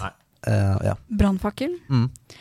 Jeg har egentlig altså som jeg, jeg kan sette liksom pris på Spiderman-filmene. Det er kule, de, liksom. Men Spiderman har aldri helt eh, Jeg har aldri liksom blitt veldig Liker ikke typen? Jeg vet ikke, Det er ikke min favorittfranchise. Nei, jeg skjønner. Ja, Nei, men det- men hvorfor liker du den ikke? jeg veit ikke. Jeg Klarer ikke å sette fingeren på det. Nei, Han er irriterende, alltid sånn quick-witted. Babyface. Buhu onkel. Jeg tror kanskje bare jeg ikke syns liksom superhelten Spiderman er så innmari kul. Nei, nei, jeg skjønner hva du mener. Ja. Nei, men det Er du anti-Spiderman nå? Nei, nei, nei, ikke i det hele tatt. Jeg Ah, koser meg med webswinging og er helt gjennom New York Ja, der. ja. Men jeg, han er jo bare en vanlig dude, liksom. Ja, men, det kan jeg jo like, men det er noe med som eh, Du er en fyr som jeg, Nei, jeg vet ikke. Jeg vet ikke om det er liksom Er du redd for edderkopper, Ida? Ja, Er det, det er jeg òg, men jeg er ikke redd for Spiderman. Mm. Jeg er veldig lite redd for Spiderman. Ja, Du tenker du kunne kicka assen til Spiderman? Batman nå, liker du Batman? Jeg liker bedre Batman. Ja, så du liker mer litt de der mørke, mystiske. mystiske. Ikke sånn 'halla, hei, jeg er Spiderman'. Ja, jeg det er breakdanser litt her borte. ja, wow, wow, wow, wow, wow, Rhino! Hva skal du da?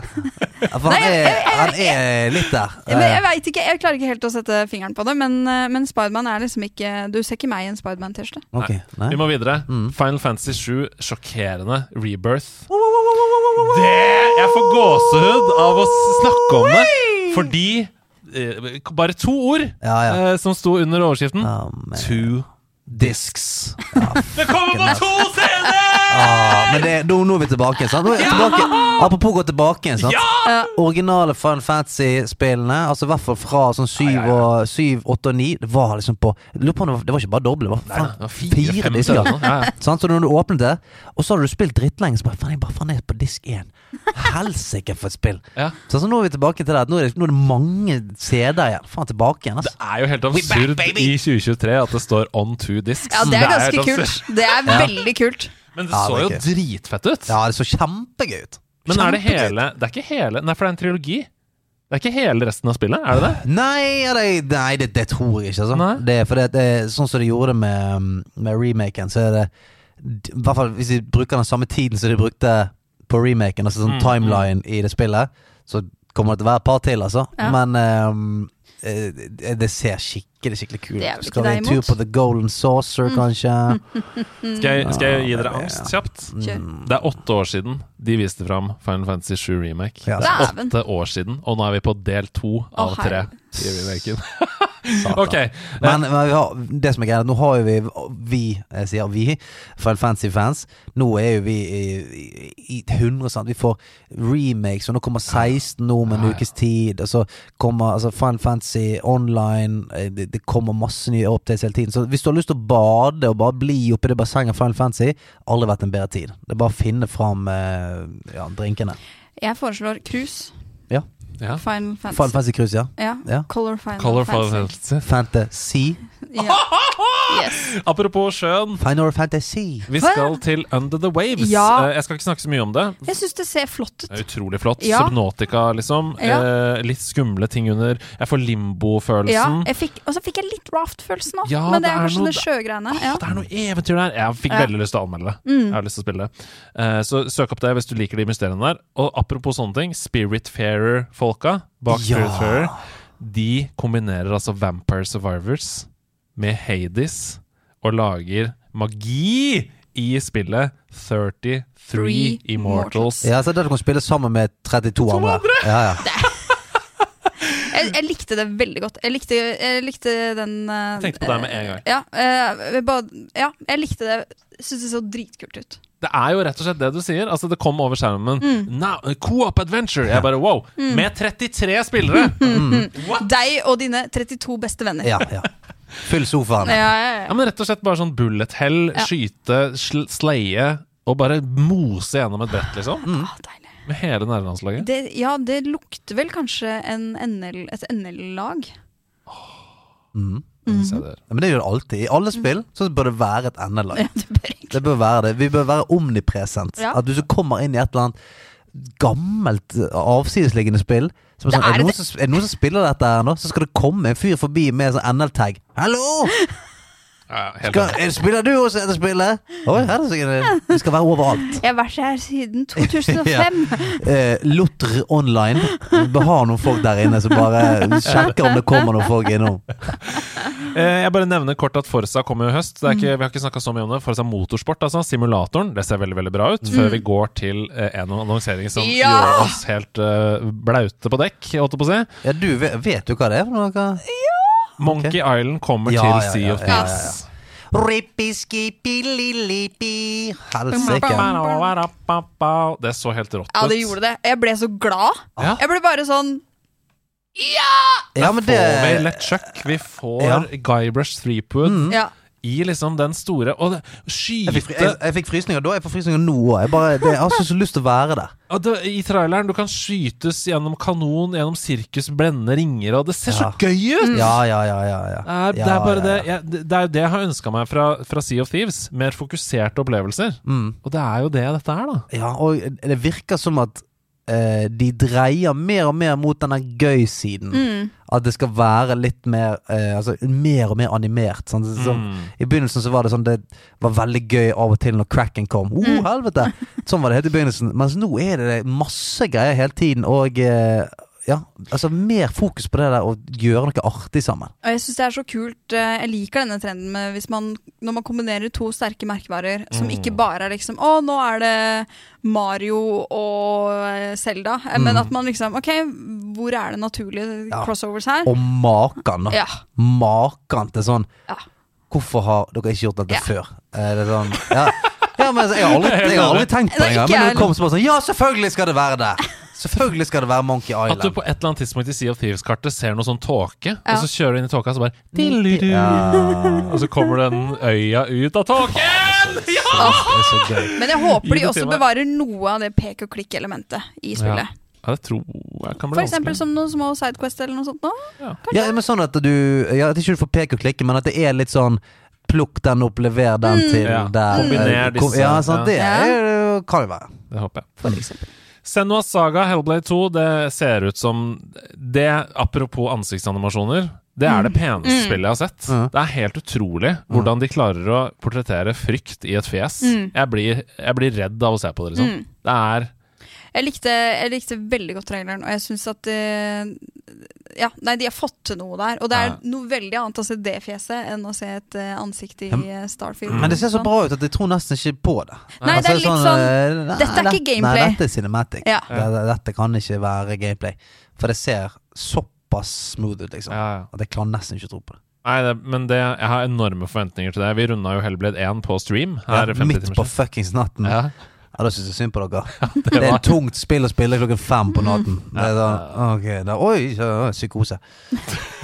Jeg er nesten på vei til Ja. min egen lille psykose. liksom. oi. Nei, Vi har store forventninger. Kommer til å anmelde det også. Eh, hva skal vi gjøre til høsten, dere? Vi, vi sprenger jo. Hvordan, altså, det kommer så mye Dette kan potensielt bli årets Nei, tidenes spillår. Ja, men det er veldig gøy allerede. Ja, det er, det er allerede. helt Tenk at vi er allerede Vi har hatt Ja, nei, det har Altså, kommet det så mye allerede. Ja, Tears of the Kingdom. fikk oss med evighet siden det kom. Ja, ja, siden vi Ja, ja. Eh, Jeg ble veldig glad for å se Cyberpunk Phantom Liberty. Yes! Mm. Kul expansion. Ja, og bare Jeg, eh, jeg spilte jo det spillet litt grann nå for en stund siden. Ja. Og vi har snakket, jeg har snakket om det i podkasten, at jeg har liksom litt lyst til å ta fatt på det igjen. Mm. Bare fordi at jeg tror at det har et sånt potensial som folk de, Folk må komme seg tilbake igjen og bare sånn Å ja, steike! Vi heier jo så veldig på Cyberbank, Ja. alle vi. Hva tenker deg at det spillet kom, og så ble det dårlig, så bare forsvant det. Mm. Og nå eh, kanskje klarer folk å manne seg opp og komme seg tilbake igjen og, og teste det med en ny expansion. Og kanskje få det den gjenoppreisningen det fortjener. Mm. Så lenge de Nå må de ha en god launch, da. Nå må de ha en Nå god launch. kan vi ikke ha eh, liksom, at hånden er byttet ut med foten, og Nei, det- sånn, det- alt, alt er på trynet. NPC-ene går opp ned rundt i gaten. Og, Uten å spoile noe for de som ikke har spilt Cyberpunk ennå, så er jeg interessert i hvordan de skal løse denne historien. For det er Mm. noen karakterer som vi så i denne DLC-en, som jeg ikke skjønner hvordan kan være der. nei, det er det tilbakeblikk? Er det det? Ja, Sidespor? Alternative se. universer? Sånn, Endelig er Fable her! Det har jo vært rykta lenge. Der Og det tok du meg. Ja, Ja. og eh, altså Starten, for dette Mm. var jo det første som ble, Mm. ble vist på uh, directen til Og Mm. jeg, jeg er så fan av uh, IT Crowd. Ja. Og det å se eh, han, eh, han som spiller Moss, Ja. Moss Ja. eh, i på en måte nesten den karakteren, Ja, ja. tenkte jeg åh! Og det ser dritbra ut. Ja, Ja. og er, Fable, det er sånn Det ligger mitt hjerte så nært. Mm. Jeg elsket det spillet. Både Altså, det, var, det ble vel tre til slutt, tror jeg. Fy faen, så koste jeg meg. mm, Og jeg fremdeles, hvis denne musikken kommer på, mm. eh, og hø jeg hører den Fable-musikken, så blir jeg helt sånn Å, det var en tid i livet mitt hvor det var så gøy å spille. Og når jeg så den Fable-greia nå, så bare Yes! Konge at ikke vi har latt denne merkevaren dø. Det er liksom britisk humor på sitt beste. Ja, det er det. Oi, det. Ja, det er bare Og Tingeling flyr sånn na-na-na-na over skjermen, og så kommer det en frosk og bare blapp, spiser henne. Ja, Ja! det er Jeg vil ha det! Ja. Bonkers. Nydelig. Uh, Star Wars Outlaws tok meg helt på senga. Mm. Magisk 70-tallsinspirert Star Wars uten lightsabers, men med masse gønnere. Mm. Uh, litt sånn bruntaktig filter. Du, jeg tenker Stranger Things med en gang. Og EA slapp jo Nei, Ubisoft, sorry, slapp jo en ti minutter gameplay-video av dette i går. Holy Mm. fuck. Følte det ble sånn Star Wars True Detective. Aha. Jeg elsker alt med det! Mm. Det ser ut som Uncharted møter Star Wars Jedi Survivor. Og jeg liker at uh, For nå uh, Altså, Star Wars har, er jo et, eh, et univers, en franchise, som har sluppet mye Mm. de siste åra. ja, Og det er sånn viktig og så deilig når man fortsatt får følelsen at åh, her er det noe jeg har lyst til å prøve. Mm. Dette er ikke bare liksom sånn Dette har vi gjort før. Mm. Nei, det, det, Se på den gameplay-videoen som Ubisoft slapp. Uh, hvis du liker fokuserte singleplayer-opplevelser som God of War, f.eks. Åh, ja! Jeg vil ha det. Ja. Eh, ta med kjapt at City Skylines 2 kommer i oktober, for de som elsker sånn byggespill. Og også at vi får to nye Persona-spill om ikke så lenge. Mm. Eh, Du har jo litt forhold til Persona. Spilt mye mye det. Spilt Ja. mye det. Men nå var det føltes som at det var eh, litt sånn eh, sidespor. Ja. At det var eh, liksom Persona 3 Ja, remake remake, av og så en liten sånn eh, Tactics. Tactics-varianter. Så jeg ble litt sånn ja ja, det er hyggelig, det. Men det er litt sånn som når, når Final Fantasy også slipper, slipper sånn Crisis Core. Og slipper sånne småting på siden. Så er det sånn Jeg trenger ikke spille det. Mm. Det er nok, nok andre ting å ta tak i. Men uh, gøy. Ja. Artig. Ta med at uh, de som liker Bioshock Infinite og eller Deathloop, Jeg, altså, dette var en av mine favoritttrailere. som vi så. Clockwork Revolution Mm. Mm. Eh, Helt ny IP. Ja, Ser veldig spennende ut. digger det. Sånn, jeg, Fikk ikke sett så mye, da. nei. steampunk-stil, liksom. Jeg fikk litt den der følelsen av uh, den filmen som ikke gjorde det så bra, med de der eh, byene som, uh, som kjørte rundt. oh, ja. uh, og kjempet mot hverandre. Ja, Byer som kjørte rundt ja. og det kjører. var Ja, levende nei, byer, land. liksom. Ja. ja, jeg husker Hvertfall, det. det- det- det- Der fikk den følelsen at åh, her er det et, veldig kult univers. Ja. Steampunk-univers. Håper de nailer Ja. gameplay. Jeg Det føltes som at det var eh, veldig sånn eh, sentrert rundt en slags sånn time changing Mm. mechanic. Mm. At det er liksom greien her. Jeg håper ikke det blir som We Happy Few, som Mm. jeg hadde store forventninger til, og så var det kjempedårlig. Mm. Så det må, det må funke gameplay-messig, og så må det være kule karakterer og en bra historie. Det er Mm. alltid det vi bare ønsker oss. Yeah. Eh, eh, Er ikke noe kraser. Nei, Bare da. ha et jævlig bra spill. Til slutt så er det liksom eh, Microsoft Flight Sim. Man sier ofte sånn Ja, jeg skjønner ikke poenget med det spillet, du bare flyr rundt. Det har vært poenget. Mm. Nå kommer det alle har etterspurt. Missions. Det kommer et nytt Microsoft Flight Sim med Quests. Altså, du er ambulanseflyver, du er uh, oljeplattform Altså, du, du skal jobbe som pilot, da. Ja. De kommer til å treffe et helt nytt segment, tror jeg. Og det er litt, dette er egentlig litt sånn deg og meg-mat, eh, Andreas. Er det ikke det? 100 Ja. Jeg, jeg syns alle Ja, men jeg syns alle oppgavene så gøy ut. Det å eh, Hva skal jeg si? Eh, Crossflight check report. Ja. ja, men det å bare ha sånn gjødsel på jordet, så gøy ut. Skjønner du? Svar dette her, ja. Det som skjer, det er right up your alley. Altså, du kan være jagerpilot, men jeg syns det å gjø- gjødsle jordet så veldig artig ut. det. Hei! Nei, men jeg, Riktig det jeg, også. jeg tror det kommer til å nå så bredt, jeg. Men eh, en ting som jeg må bare si etter å ha sett eh, launch, og som jeg har litt følelsen av nå, som jeg er veldig glad for, det er at overall så eh, har jeg litt inntrykk av at nå har vi kommet et steg videre når det kommer til eh, karakterer og likestilling og inkludering. Enig. I, fordi at nå satt jeg igjen med tanken, eller bare som inntrykk av at shit, her har du kvinnelige karakterer. eh, Mannlige karakterer, og alle fargede farger, karakterer, alt mulig. funksjonsnedsettelser. I, Uten at man tenker over det. ja, uten at man tenker det i alle typer karakterer. Ja. At det er bare sånn Shit, Uh, har vi faktisk kommet dit? At du ikke tenker så veldig mye på hvilket kjønn Helt enig. Uh, en karakter Jeg følte sånn uh, det, det, Poenget er ikke at du er kvinne. Mhm. Eller poenget er ikke at du er mørk i huden. Eller poenget er ikke at du sitter i rullestol. Det er liksom bare Poenget det, er at Dette er et spill som handler om det. Oh, okay, greit. Ikke Ja, sant? og du spiller denne personen. Ah, ja, greit. Og jeg blir glad! Ja, jeg helt Deilig! Enig. Helt enig. Jeg trykka jo! Mitt navn er Andreas Hedemann, og dette er Nerdenytt. Nytt. Anmeldelse i nerdelandslaget. Åh, Stian blir på linje, blir Hala la igjen, la igjen. Du har lagt ned timene. Jeg har det. Du har vaselin på eh, armene. Jeg har det. Du har smurt deg både her og der, Jeg har det. og har drept noen demoner. Jeg har det. Vil du, vil du spille opp eh, anmeldelsen din? Nei, eh, jeg vil altså, eh, ta det litt ned og si at nå skal vi ned i etasjen under en tur. Egenmeldingene har sittet løst de siste ukene, og flere millioner, om ikke milliarder, med demoner og faenskap har blitt drept siden Diablo 4 ble sluppet løs på oss dødelige.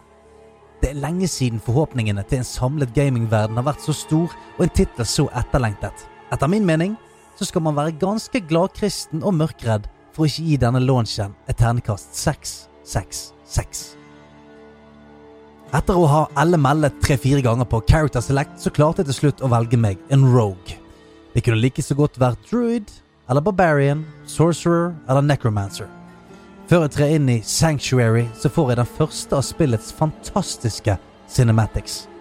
Gjengen på Cinematics-kontoret burde bli overøset i gull, røkelse og myrra da de har overgått seg sjøl med dette spillet.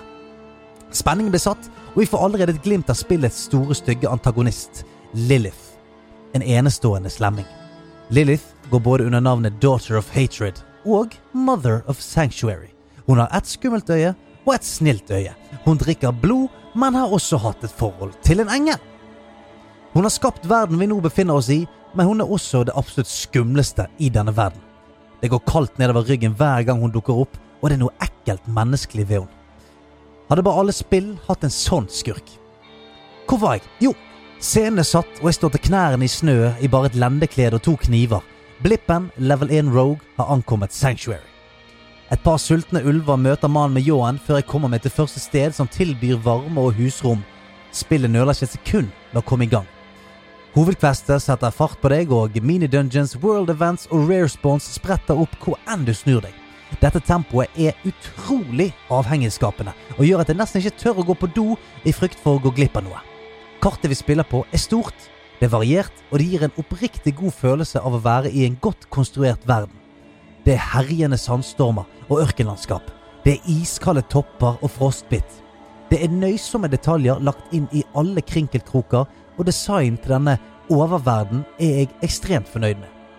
Belønningene for å utforske og angripe hver eneste blindvei og hytte er også i all høyeste grad til stede, da nærmest alt du foretar deg i oververden, bidrar til permanente bonuser for alle karakterene på kontoen din.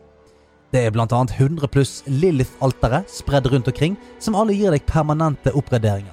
Grunnen til at jeg liker sånne grep, er at det tvinger oss som spillere ut på tur for å se alle de deilige pikslene som er laget for oss. Diablo blir veldig fort et spill hvor du bare teleporterer deg til dungeon og dreper og teleporterer hjem igjen, selger loot og tilbake igjen, og så. Og tro meg, det blir det tidsnok. Diablo 4 ser fortreffelig ut, og jeg har ikke snublet over en nevneverdig bug siden jeg startet spillet 2. juni. Sånn har det blitt i 2023 at dette føles ut som en gave. Litt ute i spillet så fikk jeg en bug som gjorde at jeg ikke klarte å autoattacke. Jeg relogget, og jeg så aldri mer til den bugen igjen. Det oppsummerer min bugreise så langt.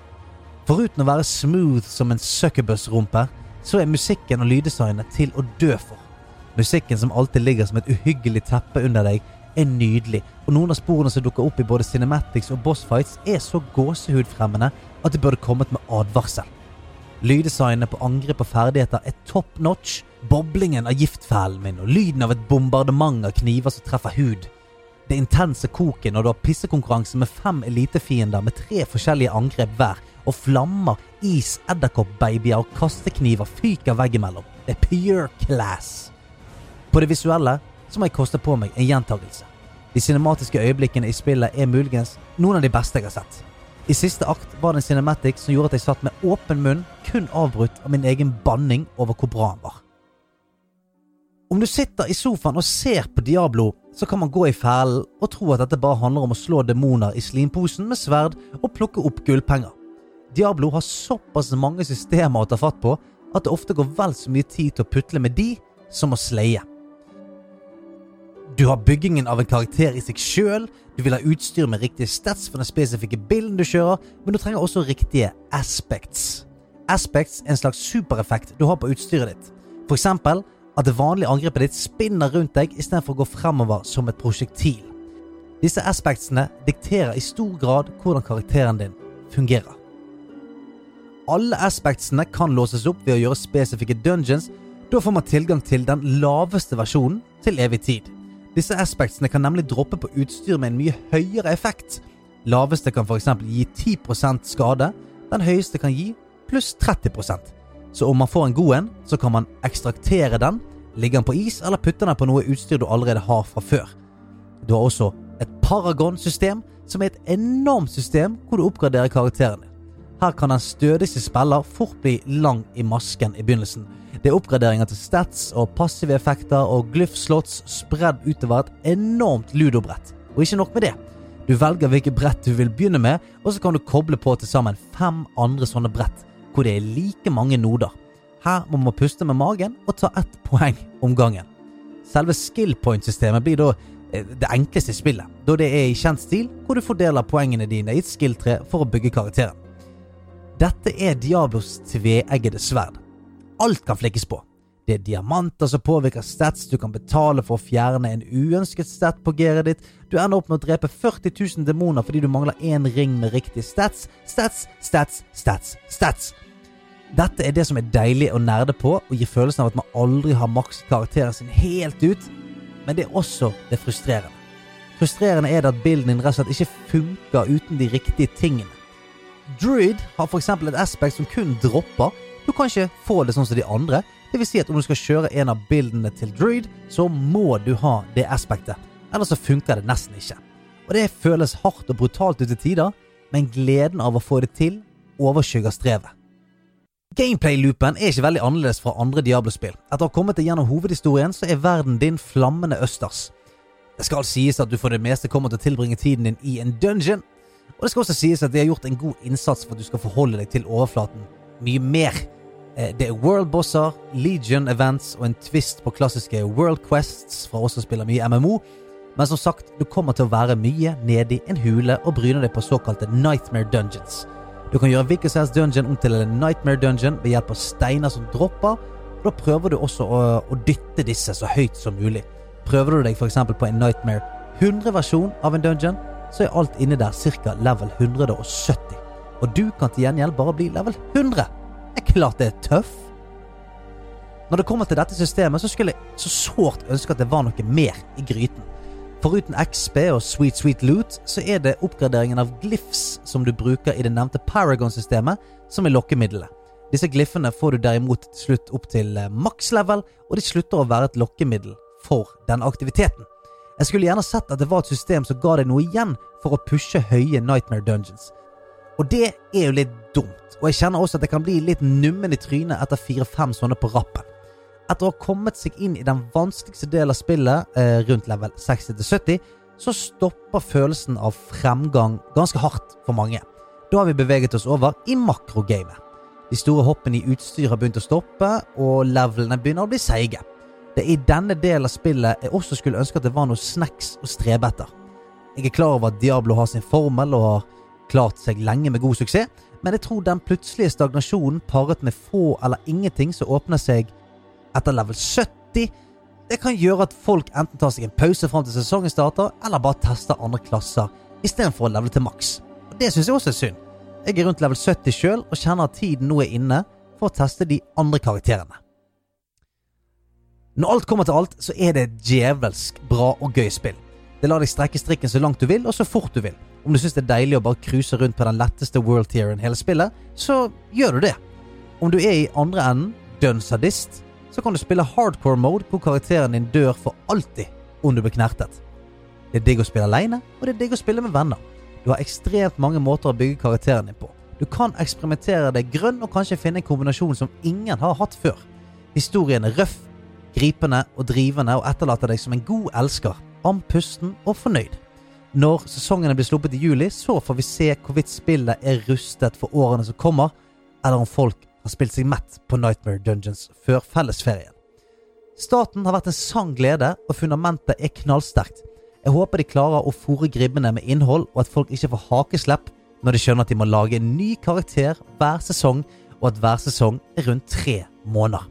Det er mange spørsmål som henger i luften, men jeg kan ta ned ett av de, og det er hva jeg gir dette spillet. Jeg gir Diablo 4 ni av ti.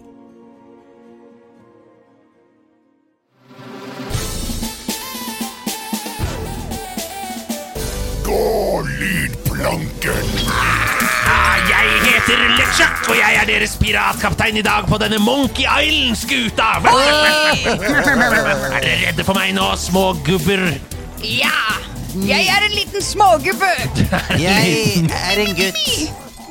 Det er bra du er en gutt, uh, um, for da kan du gå ut på lydplanken. Ja. Ikke pga. kjønnet ditt, men fordi du har bein. Yeah! Så stell dere på hver deres lydplanke. Ja. Uh, vi skal nemlig gjette hvilket spill musikken er fra. Jeg har laga lydplanken sjøl. Har du Oi. det, ja? Har spikka den sjøl? Jeg.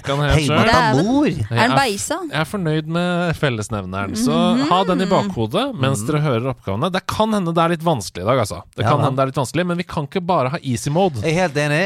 Helt, helt enig. Vi må vise at vi er fremragende folk. Ja. Her kommer den første oppgaven. Rop navnet deres når dere vet hvilket spill vi skal til.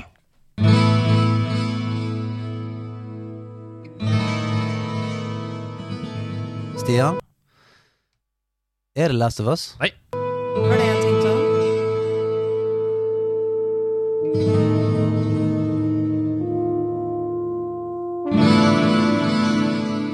Stian? Er det Bastian? Nei. Det er rått å droppe det. Well, a kid picked up the crossbow. Didn't know what to do with it. Um. Oh. Jeg, det, dette her eh, det, det er tungt for meg. Jeg har nå Ja. spilt det. Ja, det har du. Ja, jeg har det, ja. Ida? Um, Red Dead Nei. Redemption. Vi hopper litt i musikken. Men jeg har spilt dette her 100, 100% Har jeg spilt det? Nei, det tror jeg ikke. Nei. Jeg går rundt i gatene. Det er mørkt her. Er det GTA? Nei, det er ikke det. Men er det Resident Evil? Nei. Dette er Diablo. Ah, Det er Diablo 3. Det er Diablo 1 og 2, uh, for det er. Tristam. Ja, men det, det- det er det samme i treeren. Og hvis det er det samme i treeren, så Ja, er det det også. Det er, samme. det, Eh, faen, det er jo selvfølgelig Tristam, ja. Mm. ja, dette er Tristam-musikken, som er den første byen vel du kommer til Ja, i Diablo. Derfor, derfor i treeren, husker jeg. Ja. Så dette er eh, det- Ja, Ja, ja, den, den er vond. Den kjenner jeg. jeg ser det på deg, og nå du har, Nå har du lyst til å dra hjem, du nå. Ja, jeg, jeg vil ikke gjøre det mer. Ok, uh, her kommer oppfølgingsspørsmålet. Mhm. Nok en gang, kanskje litt vanskelig spørsmål, men det må dere leve med. Ja. Diablo er et action-RPG, sant? Ikke sant? Et ARPG. Men i utgangspunktet så hadde skaperne av Diablo en helt annen plan for combaten, som hadde gjort Diablo-spillene til en helt annen type spill. Hva var det de hadde tenkt at combaten skulle være? Ida, Ja. Eh, at det er turn-based? Ja! Det er riktig! Helt riktig! Ida er Combaten i er Diablo skulle være turn-based! Er ikke det sykt? Nei. Å, er du Nei, er du lei? Ok, det er 1-0. Det er- Det er 1-0 til Ida. Ja, Idet vi går inn i oppgave to. jeg trenger en liten win nå, egentlig. rop navnet deres.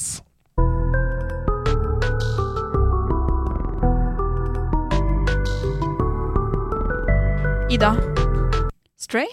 Nei, men eh, godt tippa. Det minner om det. Ehm, det, er, det er eldre enn det.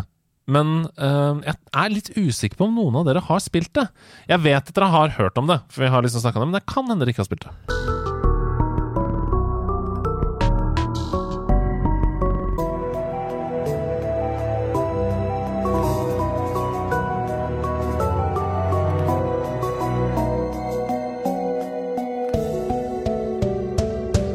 Er det er, er,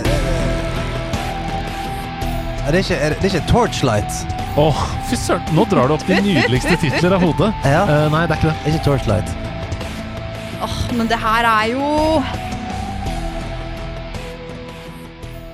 Altså, det er Er, Eh, er vi Trine? Nei, også bra tippa. Uh, du er on fire, og jeg er sikker er på for, chatten jeg treffer ikke en drit. Det er feil, men chatten gir deg sikkert mye respekt for alle de nydelige tippene du sier. Han, han, har, han, kan, han har spilt spill, sier det. Vil du også tippe noe?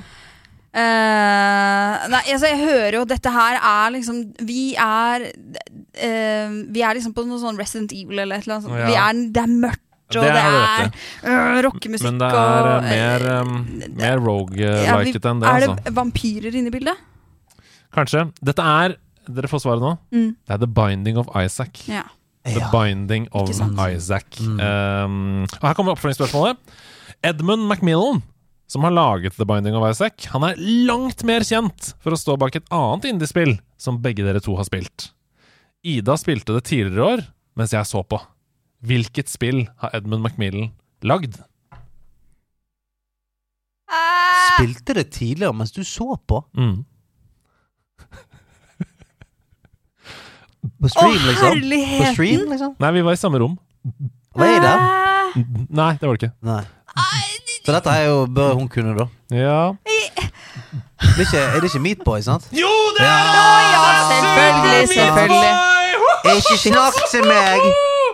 Det er 1-1! Må det er hva så Men nå føler jeg ikke hva at du jeg har spilt engang! ja, men nå føler jeg at jeg tok det poenget du burde hatt, og du tok det poenget jeg burde Ja, hatt. det er sant. det. Å, det ultimate kjøttet går-spillet. Ja, eh, ja. Super Super Meat Boy. Og der, jeg, jeg var overraska meg sjøl hvor Du var kjempegod! ja, jeg, Du klarte første ja, bossen, det var og hva helt rått. Det er vanskelig, ass. Ja, det Ja, er det er vanskelig. vanskelig, ja. Her kommer tredje oppgaven. Rop navnet. Ida? Fallout? Nei. Stian uh, Cuphead. Ja! Det var det! Åh! Det er ikke prøv det, men det var det. Det er en av de to. Dette er Cuphead når du er inne i butikken um, til Mr. Porkrind. Um, ok, Her kommer spørsmålet til Cuphead. Mm. Det er 2-1 til Stian. I Cuphead så er det mulig å få en completion-prosent. Og her vil jeg at dere skal svare, altså ikke førstemann, Ja. gi et svar. Ja. Det er mulig å få en completion-prosent som er høyere enn 100% i det spillet. Hva er det maksimale antallet prosent som du kan få på en save? Altså hvilket antall prosent når du på en måte har gjort alt, da. Så er det også sånn til dere som hører på Ja, jeg vet at det er for eksempel, du kan få en P ved siden av hvis du spiller Pacifist og sånn. Det er ikke det jeg er ute etter. Jeg er ute etter antallet prosent du kan få maksimalt. Jeg har et tall. Du har bestemt deg for et tall. Mm.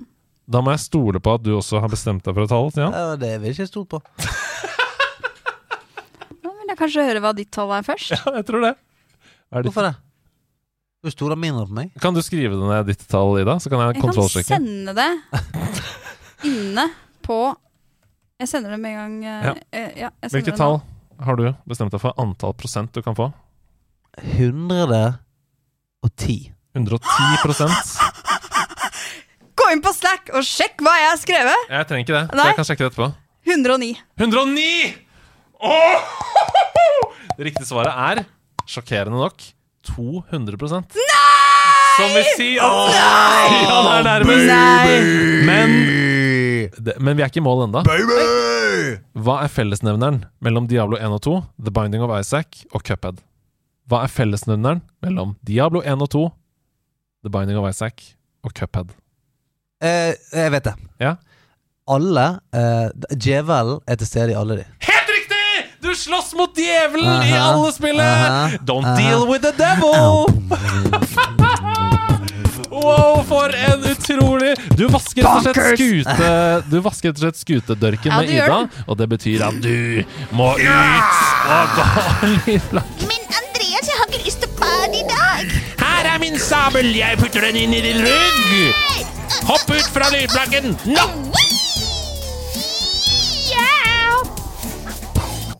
Utrolig bra rollespill. Takk. Er Vi blir bedre og bedre på det. Jeg har vært på kurs. Ja, og det er en glidende overgang til at du skal holde foredrag. Dungeons and Dragons 10. Ja, Ida. Jeg, tror, jeg tror jeg skjønner hvor vi skal. Jeg, tror, jeg syns jeg så det på fjeset ditt da vi snakka om Radiohead og Kid uh, Kid Amnesia. face. Men hva har du tatt med deg inn i Løvenes hule? Stian, har du tatt på deg spanderbuksene, eller er du streng i dag? Mm, Jeg, Du er alltid streng! da er jeg kjempepositiv i dag. Sånn. Hei! Hva har du med deg? Nei, Du- du la Stian, vær deg selv. Vær deg Vær deg selv. OK. Wow! Dette blir spennende. Ja. Ja, jeg er spent Vi er klare, selv, vi. I dag skal jeg være streng. Ja, en- åh, ok. Uh, denne ideen som jeg har til et spill, er, den er kanskje ikke like utbrodert som jeg da, pleide å komme med, men uh, grunnkonseptet er genialt. Oi. For det. hva Hva er det mennesket og verdens beste kompanjong, katten, har til felles? Vi Mm. elsker fiskespill Melk. og melk. Ja. Vi elsker fiskespill. Ja. Ok. Ja, ja, for katter, når de blar Ja, opp, så ja, ja. prøver vi å fange. Ja, ikke sant? Mm. Og der er du, det er så intuitivt i den. Du er på, du er på G allerede. For i Catfishing the Game så spiller du sammen med katten din. Ja. Hvor du da spiller sjøl enten på um, Altså, Du spiller sjøl på mobil, og så Ja. har du en iPad som du linker opp mot, f.eks. Ja. Eh, som katten spiller på. Ja. Så greia er da at du, eh, eh, når du spiller, så fisker du opp forskjellige typer fisk. Og Mhm. fiskespill er jo ekstremt avhengighetsskapende, det vet vi jo ja, det allerede. vet vi. Ja, ja. Men i The Bucket, eh, som du da på en måte du, du fanger opp fisker, har de i, i din lille pond eller bucket eller Stian sånn. er kjempepositiv. Ja, ja. Viser tomler og er veldig Ja, på. ja, og det er der på en måte katten har sitt bidrag, hvor katten igjen prøver å sleie og filetere de fiskene som du eh, fanger opp. Og etter hvert som du får eh, klarer å fange bra fisker, store fisker, sjeldne fisker, eh, eh, får eh, på en måte blir ferdig med bundles eller sånn, Mhm. Eh, så får du eh, XP, og du får reward, som gjør at du kan oppgradere både fiskestanga di, bait og selvfølgelig eh, den bøtta. Eller du oppgraderer Ja. jo da fra bøtte til pond, ikke sant? Ikke sant, så du kan ha mer av gangen. Da. Ja, ja, ja. Og Så blir det morsommere og morsomt for katten også. Kan jeg spørre deg aller først, begynte dette med et ordspill? Denne ideen? Uh, nei, faktisk ikke. Catfishing the game? Det kom etterpå. Ja, det kom etterpå. Mm. Ja, veldig bra. Eh, altså, eh, I utgangspunktet, du smatter og tenker. Mm. Jeg, det jeg liker eh, godt her, det er at det er en spillutvikler som har tatt sjansen på å prøve noe nytt. Nemlig at du skal spille Du skal spille med kjæledyret ditt. Det har jeg liksom aldri hørt om. Nei. At en spillutvikler sier sånn Now you can uh, bring your cat to the yeah. game! Are you tired of not bringing your cat into the game? Men da må, da må det jo virke, da. Det er viktig. Det må virke. Men hva tenker du? Jeg tenker at dette er på grensen til dyreplageri. Oi! Oi! Du er på PETA sin side her, ja. For det, det å eh, lure en katt til å tro at han får fisk Åh. hele tiden, og han tar Ah. han, Og så er det ingenting, og så sier du sånn ha-ha-ha. Ja, det er bare digitalfisk, katten min. Ja, og for så sier har han ikke- wow. Så Men sier de du, du, syns men det du er fikk jo gøy. større pond, da. Nei, men hvordan vet du det? Det uttrykker det. Bare sånn de Viser han digital mat, og så når han tar på skjermen, så er det sånn Oi, du klarte å filetere en fisk, ser du det? Du fikk 100 poeng. Men dette er jo lek, ikke sant? Katter er jo glad i å leke. Ja, ta et garnnøste, da. Ja. Ta et garnnøste på denne greia. Ikke, Ja, ikke, det gjør man jo mat. også. De spiser jo ikke garnnøste selv om de klarer å drepe garnnøste. Ja, men det, er lek, det, det er jo leken. Ja, Hvis de er sultne, så går ikke de bort og spiser garnnøster. Det er jo fisk, da, eller noe annet. Ja, jeg skjønner hva du mener. Uh, mm. Eh, Det er en Det er en sånn dyreorganisasjon-warning her i bånn. Men Peta er Husk med på gi, det her. husk å gi katten din ordentlig mat også, står det Ja, på, ja, ja, på spillet. Nei, det følger med våtfôr i Deluxe Edition. Du kan, du kan smøre på sånn våtfôr på skjermen. Ja. Ja, ja men, eh, men jeg tenker det, Men det er et eh, Det er et eh, Det må være med en klausul om at Mm. dette ikke er dyreskadelig. Ja. Jeg, Eh, jeg har lyst til å gi score. Mm. Ja. Fordi jeg har lyst til Allerede så får du en tommel for originalitet. Mm, for det er veldig viktig å prøve å pushe spillmediet videre. Når det er sagt, så opplever jeg dette som en litt sånn kjip ringfit. Altså Dette er noe som jeg syns er gøy én gang, og så kommer jeg aldri til å spille det igjen sammen med katten min.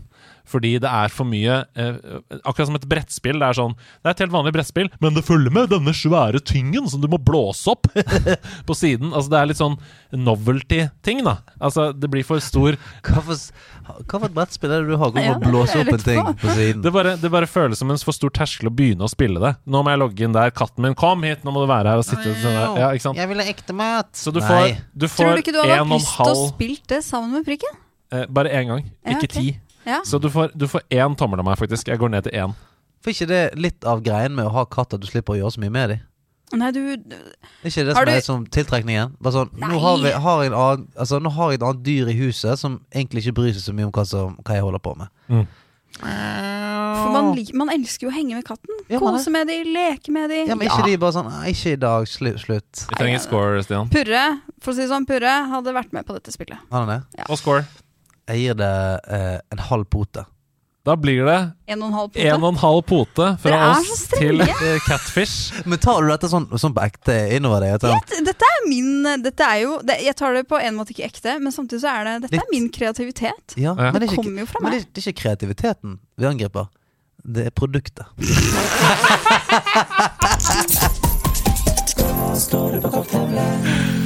Hei, og takk for en strålende podkast.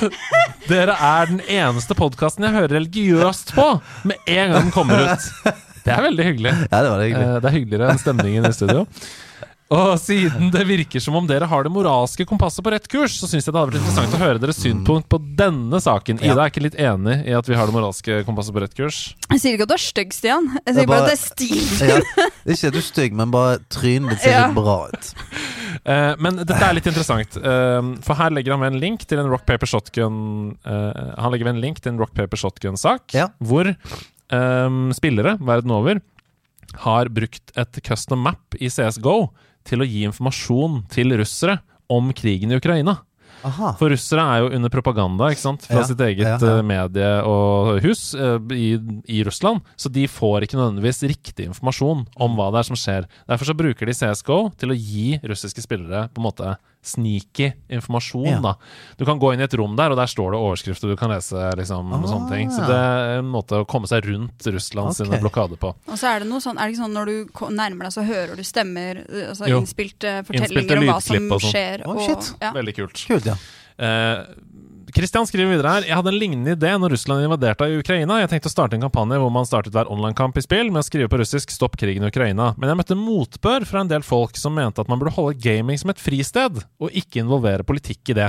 Mitt motargument var at vi hadde en mulighet til å opplyse en befolkning som lever under streng sensur.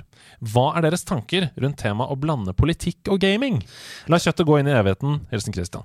Eh, Kan jeg, er det greit om jeg begynner? Ja. Altså Det jeg syns er fint her, er jo um, Altså, jeg er, jeg er litt enig i at At ikke man skal blande for mye. Uh, altså, det er noe med at hvis ikke det finnes noen fristeder igjen, så er det, det er jo noe dumt med det òg. Mm.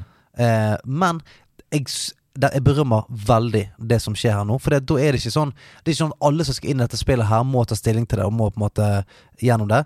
Uh, her er det sånn, du. pst, by the way, her er det en greie på siden. Mm. Denne bruker vi til det. Og det eh, tilskuddet syns jeg er helt fantastisk. Mm. Altså, jeg syns det er eh, Det er helt nydelig. Eksemplarisk. Ja, men det er sånn med en gang alle må bli tvunget til å ta- stilling til det, Mm. og eh, For eksempel som Christian sier her, da, i all chat. Liksom. Hvis Ja. hver gang du starter et game, så skal du bli møtt med Ja, da er det liksom ja, men, jeg, Det ser jo jeg overalt hele tiden. Altså Uansett hvor jeg ser. Når jeg ser på God morgen Norge eller jeg ser på telefonen min, det er det eneste jeg ser. Nå trenger jeg én time der jeg bare Nå skal jeg være her. mm. Så jeg, eh, jeg er nok enig i at man skal ikke Man kan blande det, altså bruke det, sånn som man gjør her, som et verktøy, men at man skal eh, veve de sammen. Ja. Det skal, Mm. jeg tror ikke man skal gjøre. Jeg tenker, Det er veldig smart det de har gjort med at uh, med den bunkeren, så er det jo man kan oppsøke den, og der Mm. kan man få litt inngående informasjon. Mm. Um, og, men samtidig så er det liksom Jeg er jo for at man skal fremme på en måte, gode ting som um, pride, for eksempel. Mm. Eller uh, ja, aksept likestilling, uh, stoppe ukrigen i Ukraina. Men, eh, men det er noe med hvis um, ja, nei, jeg, jeg holder litt med deg at det Mm. er um, Man skal på en måte være forsiktig med å ikke vanne det ut òg, og, og at det blir en sånn obligatorisk greie. Ja, for det er noe òg Ja. med er at når jeg går inn i et spill, så er jeg ikke eh, nødvendigvis mann, eller nødvendigvis hvit, eller nødvendigvis eh, fra Norge, eller nødvendigvis jeg bare så, Da er jeg bare en, en, Mm. et eller annet inni dette spillet her. Karakter, liksom. Ja, og, og det er jo litt av magien nå, at man sitter og spiller med 20 andre som er sånn Jeg hører stemmen, og jeg ser karakteren, og bare sånn, det, det eneste jeg bryr meg om nå, hva jeg vil gjøre dette spillet Ja. sammen. Det, Mm. det er det som er viktig for meg. Så det er et eller annet med å ikke eh, tvinge denne jeg skal si, altså, Nå må jeg ta stilling til Mm. Dette her, og alle de andre rundt meg. Da vet jeg at han sa det, og altså Ja. Det eneste jeg har lyst til å legge til i denne, for jeg er helt enig med dere, Mm. men jeg har lyst til å legge til også at spill og, og politikk er ikke to forskjellige ting. Mm. Altså Akkurat som at musikk og politikk ikke er det. Alle kulturformer uh, preges av politikk Ja, og, og meninger. Ja, ja. War! Oh, what it isn't good for! Ja, ja, ja. Eller Another brick in the wall, Pink Floyd. Altså, alt er Ja, ja, ja, ja. Kultur er også politikk. Så Mm. jeg, det, den sitatet som er sånn Hva tenker dere om at politikk og gaming ikke skal blandes? Det er sånn som amerikanere sier sånn uh, Keep politics out of sports. Det er sånn Nei, det, har, det er ikke Sånn er det ikke. Nei, det, det, det, Det er ikke. Man kan ikke bare si det. Uh, det kan man ikke. Men eh, ja, det er jo Så fortsett å lage kulturuttrykk innenfor spill Mm. som har en politisk mening bak seg. Det er det. Men eh, jeg er enig også at eh, i spill som i utgangspunktet ikke hadde noe med det å gjøre, så er det fint om man bruker det som et verktøy, kanskje. Mm. Hei, dette er et spørsmål angående Tears of the Kingdom. Inneholder små spoilere. Så til deg som Nå Mm. vet du det. Hva syns dere om templene i Tears of the Kingdom. Det skulle jo være mer klassiske Zelda dungeons, men jeg, som bare har spilt Ocarina of Time og Breath of the Wild, vet ikke egentlig veldig hvordan dungeons var før Breath of the Wild. Jeg mener at den eneste virkelige forandringen er estetikken og bossene.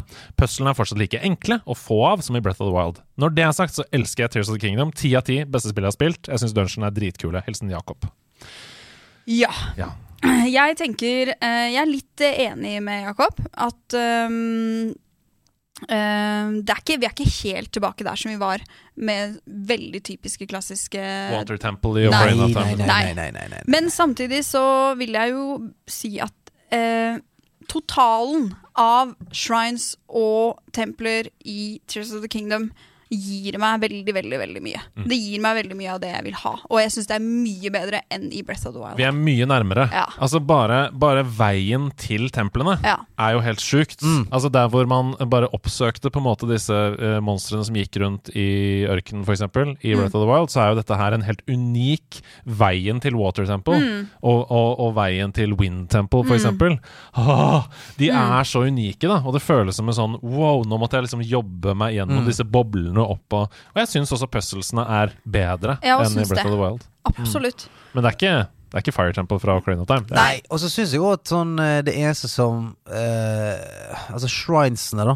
For å ta, bare, for å ta de og hele den estetikken der, så er det den der Jeg føler litt at det er den portal-tankegangen. at sånn Vi har denne eh, dette laboratoriet, som hver gang du går inn i det, så er det en ny Ny challenge. Ja, ja du, du er rotten i Mason, Ja. liksom.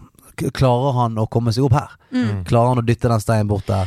Eh, det, ja. Men det jeg liker litt med det òg, som jeg har opplevd, er at uh, de uh, type shrineser har vært litt uh, Det er ganske mye opplæring i det. Det er mye tutorial i det. ja. Det er der jeg har lært meg mye av hvordan de uh, Sonite-dingsebomsene fungerer, Mm. hvordan jeg kan kombinere det. Mm. Jeg liker veldig godt at de har tatt med de shrinesa hvor du blir eh, fratatt alt du eier, eh, og du må på en måte bruke kreativiteten på en helt ny måte. Mm. Um, jeg ser, ja, men vi er, det er jo ikke uh, Jeg er helt enig med deg. Det er litt sånn uh, forsøkslaboratorie, Ja. avskåret områder med alle shrinesa. Mm. Ja, klarer du å løse denne?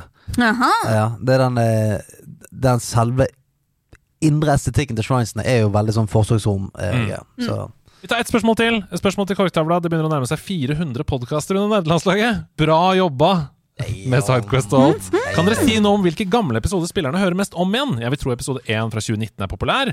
Helt riktig. Den er klart mest avspilt. Altså Langt mer enn alle de andre. For alle som oppdager nederlandslaget, hører kanskje episode 1, og så finner de ut om det er noe for dem eller ikke. ikke Ja. sant? Men, eh, Og det er mange som finner ut at det er ikke fordi men selv så tar jeg meg i å finne fram episode 116 med Åsan, 52 med Ole Wold, grunnet Stians legendariske Tekken-rapp, eh, samt alle Sidequests om spillselskapene, ettersom jeg liker bakom-historier. Så hva sier statistikken?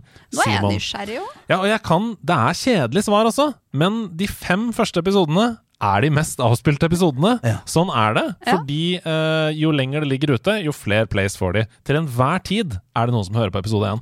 Hver dag høres noen på episode én. Det, det er, det er litt gøy å tenke på det. Sånn, Ja, det at Hver dag så er det en som sier sånn Skal jeg sjekke ut de greiene her? Wow! Men i tillegg til det, så er det også sånn, nok et kjedelig svar De episodetitlene hvor det er kjendisnavn i tittelen, det er de som er mest avspilt utover de fem første. Ja. For eksempel Kristoffer Schau, for eksempel Aksel Hennie, for eksempel Kjetil Jansrud, for eksempel Sandra Lyng. De ligger høyt oppe, fordi hvis du bare hører på en gang iblant. Hasse har veldig mange avspillinger. Altså Både den første episoden til Hasse og den andre Ja. er topp ti okay. avspilt. Så Hasse er meget Ja, populær. men etter at han gikk inn i Nei, før han gikk inn i Ja, men jeg mener sånn Etter at han gikk inn Ja. som uh, member, falt veldig. Nei, så, men det er en generell eh, tendens. Og så ehm, Det er jo en grunn også til at vi har med disse kjente menneskene. At en gang iblant At det, vi ser en enorm peak i lyttertall Mm. når vi har med kjente folk. Så da har dere fått litt mer innsikt. Vi skal til kveldens Kojima-kode.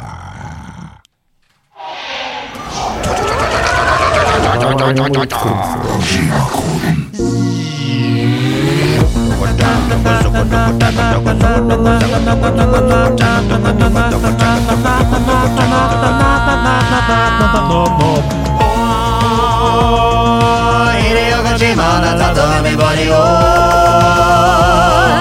이리어가지마나 다떠나매버리고.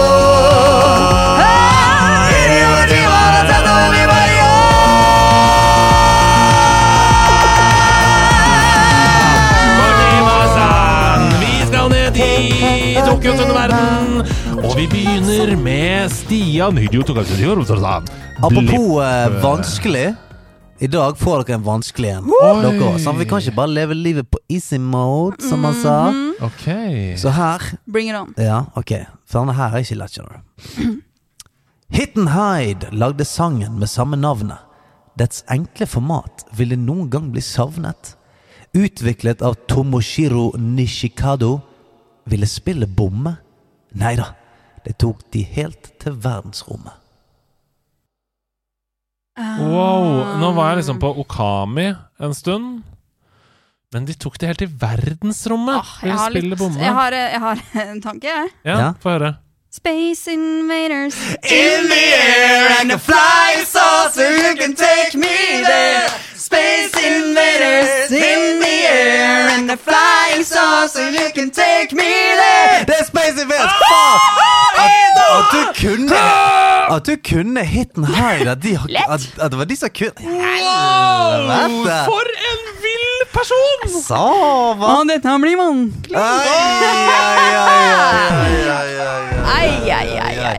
Ok, her er resten. Et skip på bånn med himmel full av fremmed fare. Dodge farlig laserskudd om du gjennom brettet skulle vare. Det Wow, er Utrolig bra!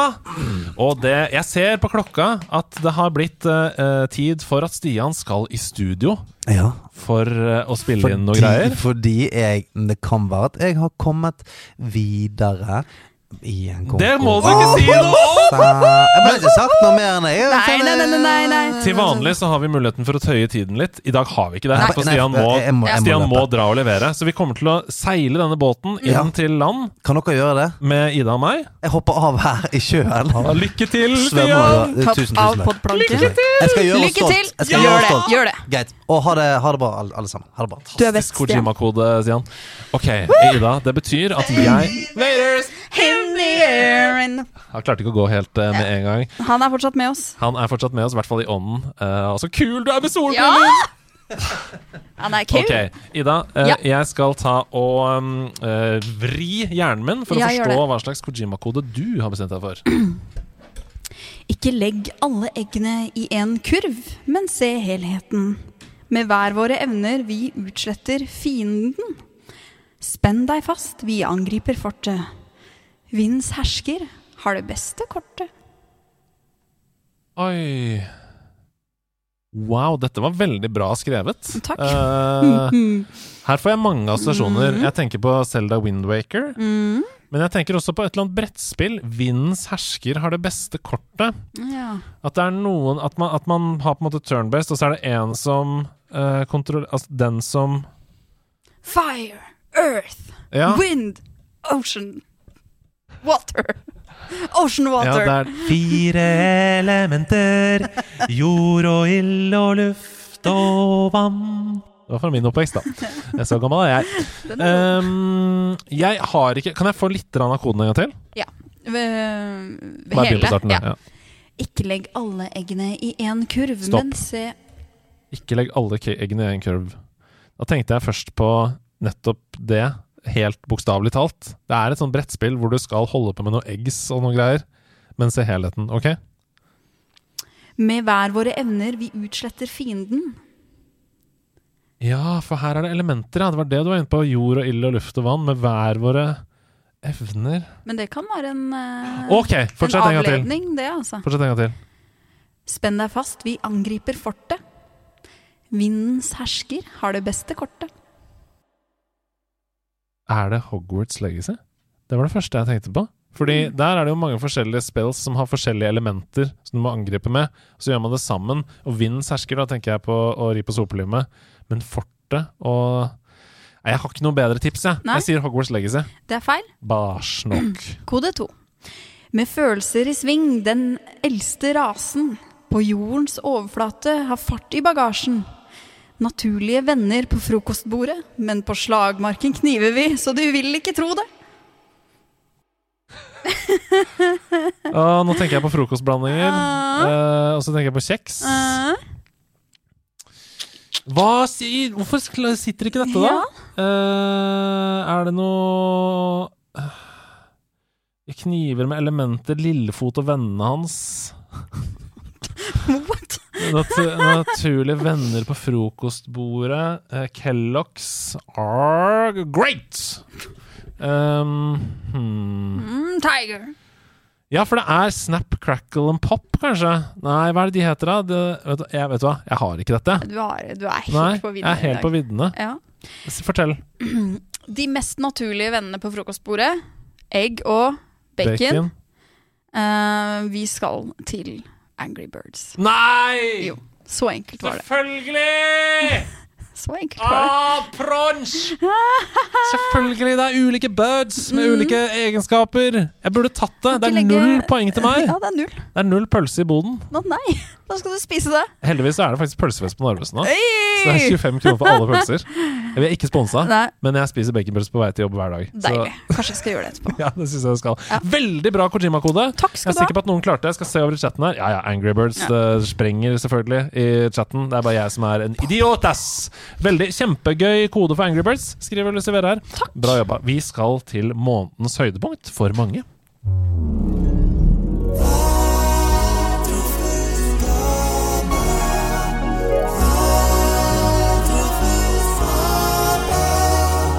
Og det er troféskapet, eh, den deilige talen vi skriver til, en, sp- til et spill, til en spillopplevelse, til en følelse knytta til spill, som vi leser opp med litt eh, pen musikk i bakgrunnen. Vi har gjort det helt siden 2019, og vi gjør det fortsatt. Vi gjør det. Eh, det kan hende det blir en pause neste sesong. Jeg kjenner litt på det. At vi, vi har jo tatt pause fra troféskapet før, og da kommer vi tilbake igjen med masse nye i bagasjen. Vi er litt på Vi Det er- skraper bånd nå. Ja, vi gjør det. Så det kan hende det blir en pause neste sesong. Jeg bare sier fra allerede nå. eh, men det kommer sannsynligvis tilbake igjen i fremtiden. Ja. Det er bare, men det er, lov, det er lov å ta seg en eh, permisjon. Absolutt. Ja. Eh, har du lyst til å si noe før du begynner å lese, eller? um, dette er et troféskap som er Dette er min personlige opplevelse. Åh, Så spennende. Da bare setter jeg i gang musikken her, og Mhm. så, så lener jeg meg tilbake. Gjør meg.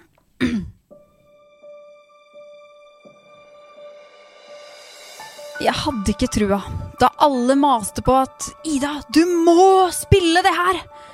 Alle var liksom enige om at dette er tidenes spill, dette liker alle. En slags felles opplest og vedtatt sannhet. Litt som når folk maser om at Radiohead er verdens beste band. Ikke i min verden. Året var 2012, og jeg skulle i studio med tre skitne nerdpunkere. Theo, Lasse og Chris. Studielånet hadde kommet inn, så jeg hadde litt ekstra gryn å sløse på noe helt annet enn husleie. Både Chris, Theo og Lasse de pleide å ha med seg Nintendo 3DS når vi var ute og spilte. Det så gøy ut.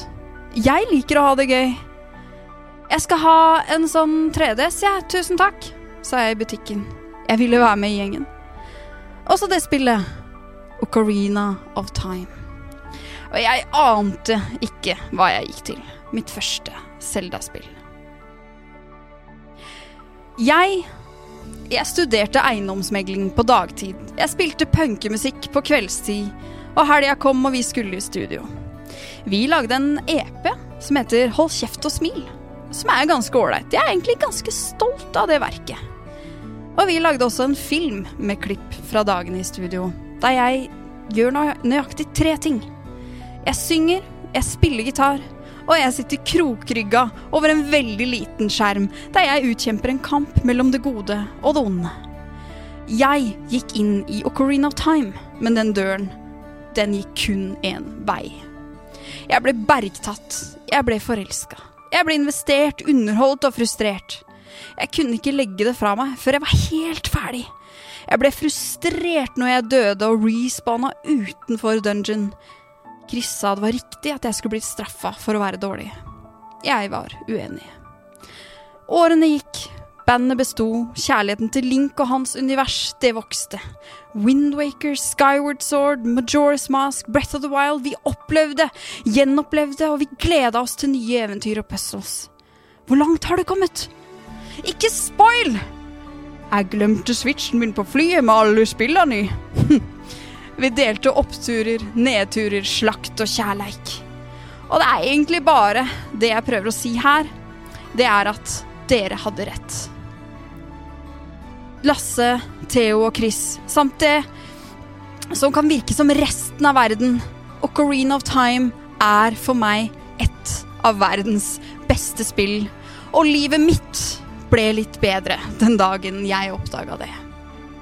Så tusen takk til Nintendo 3DS, Ocarina of Time, til resten av verden som fortalte meg at Ocarina of Time, det må du spille, i dag. Tusen takk.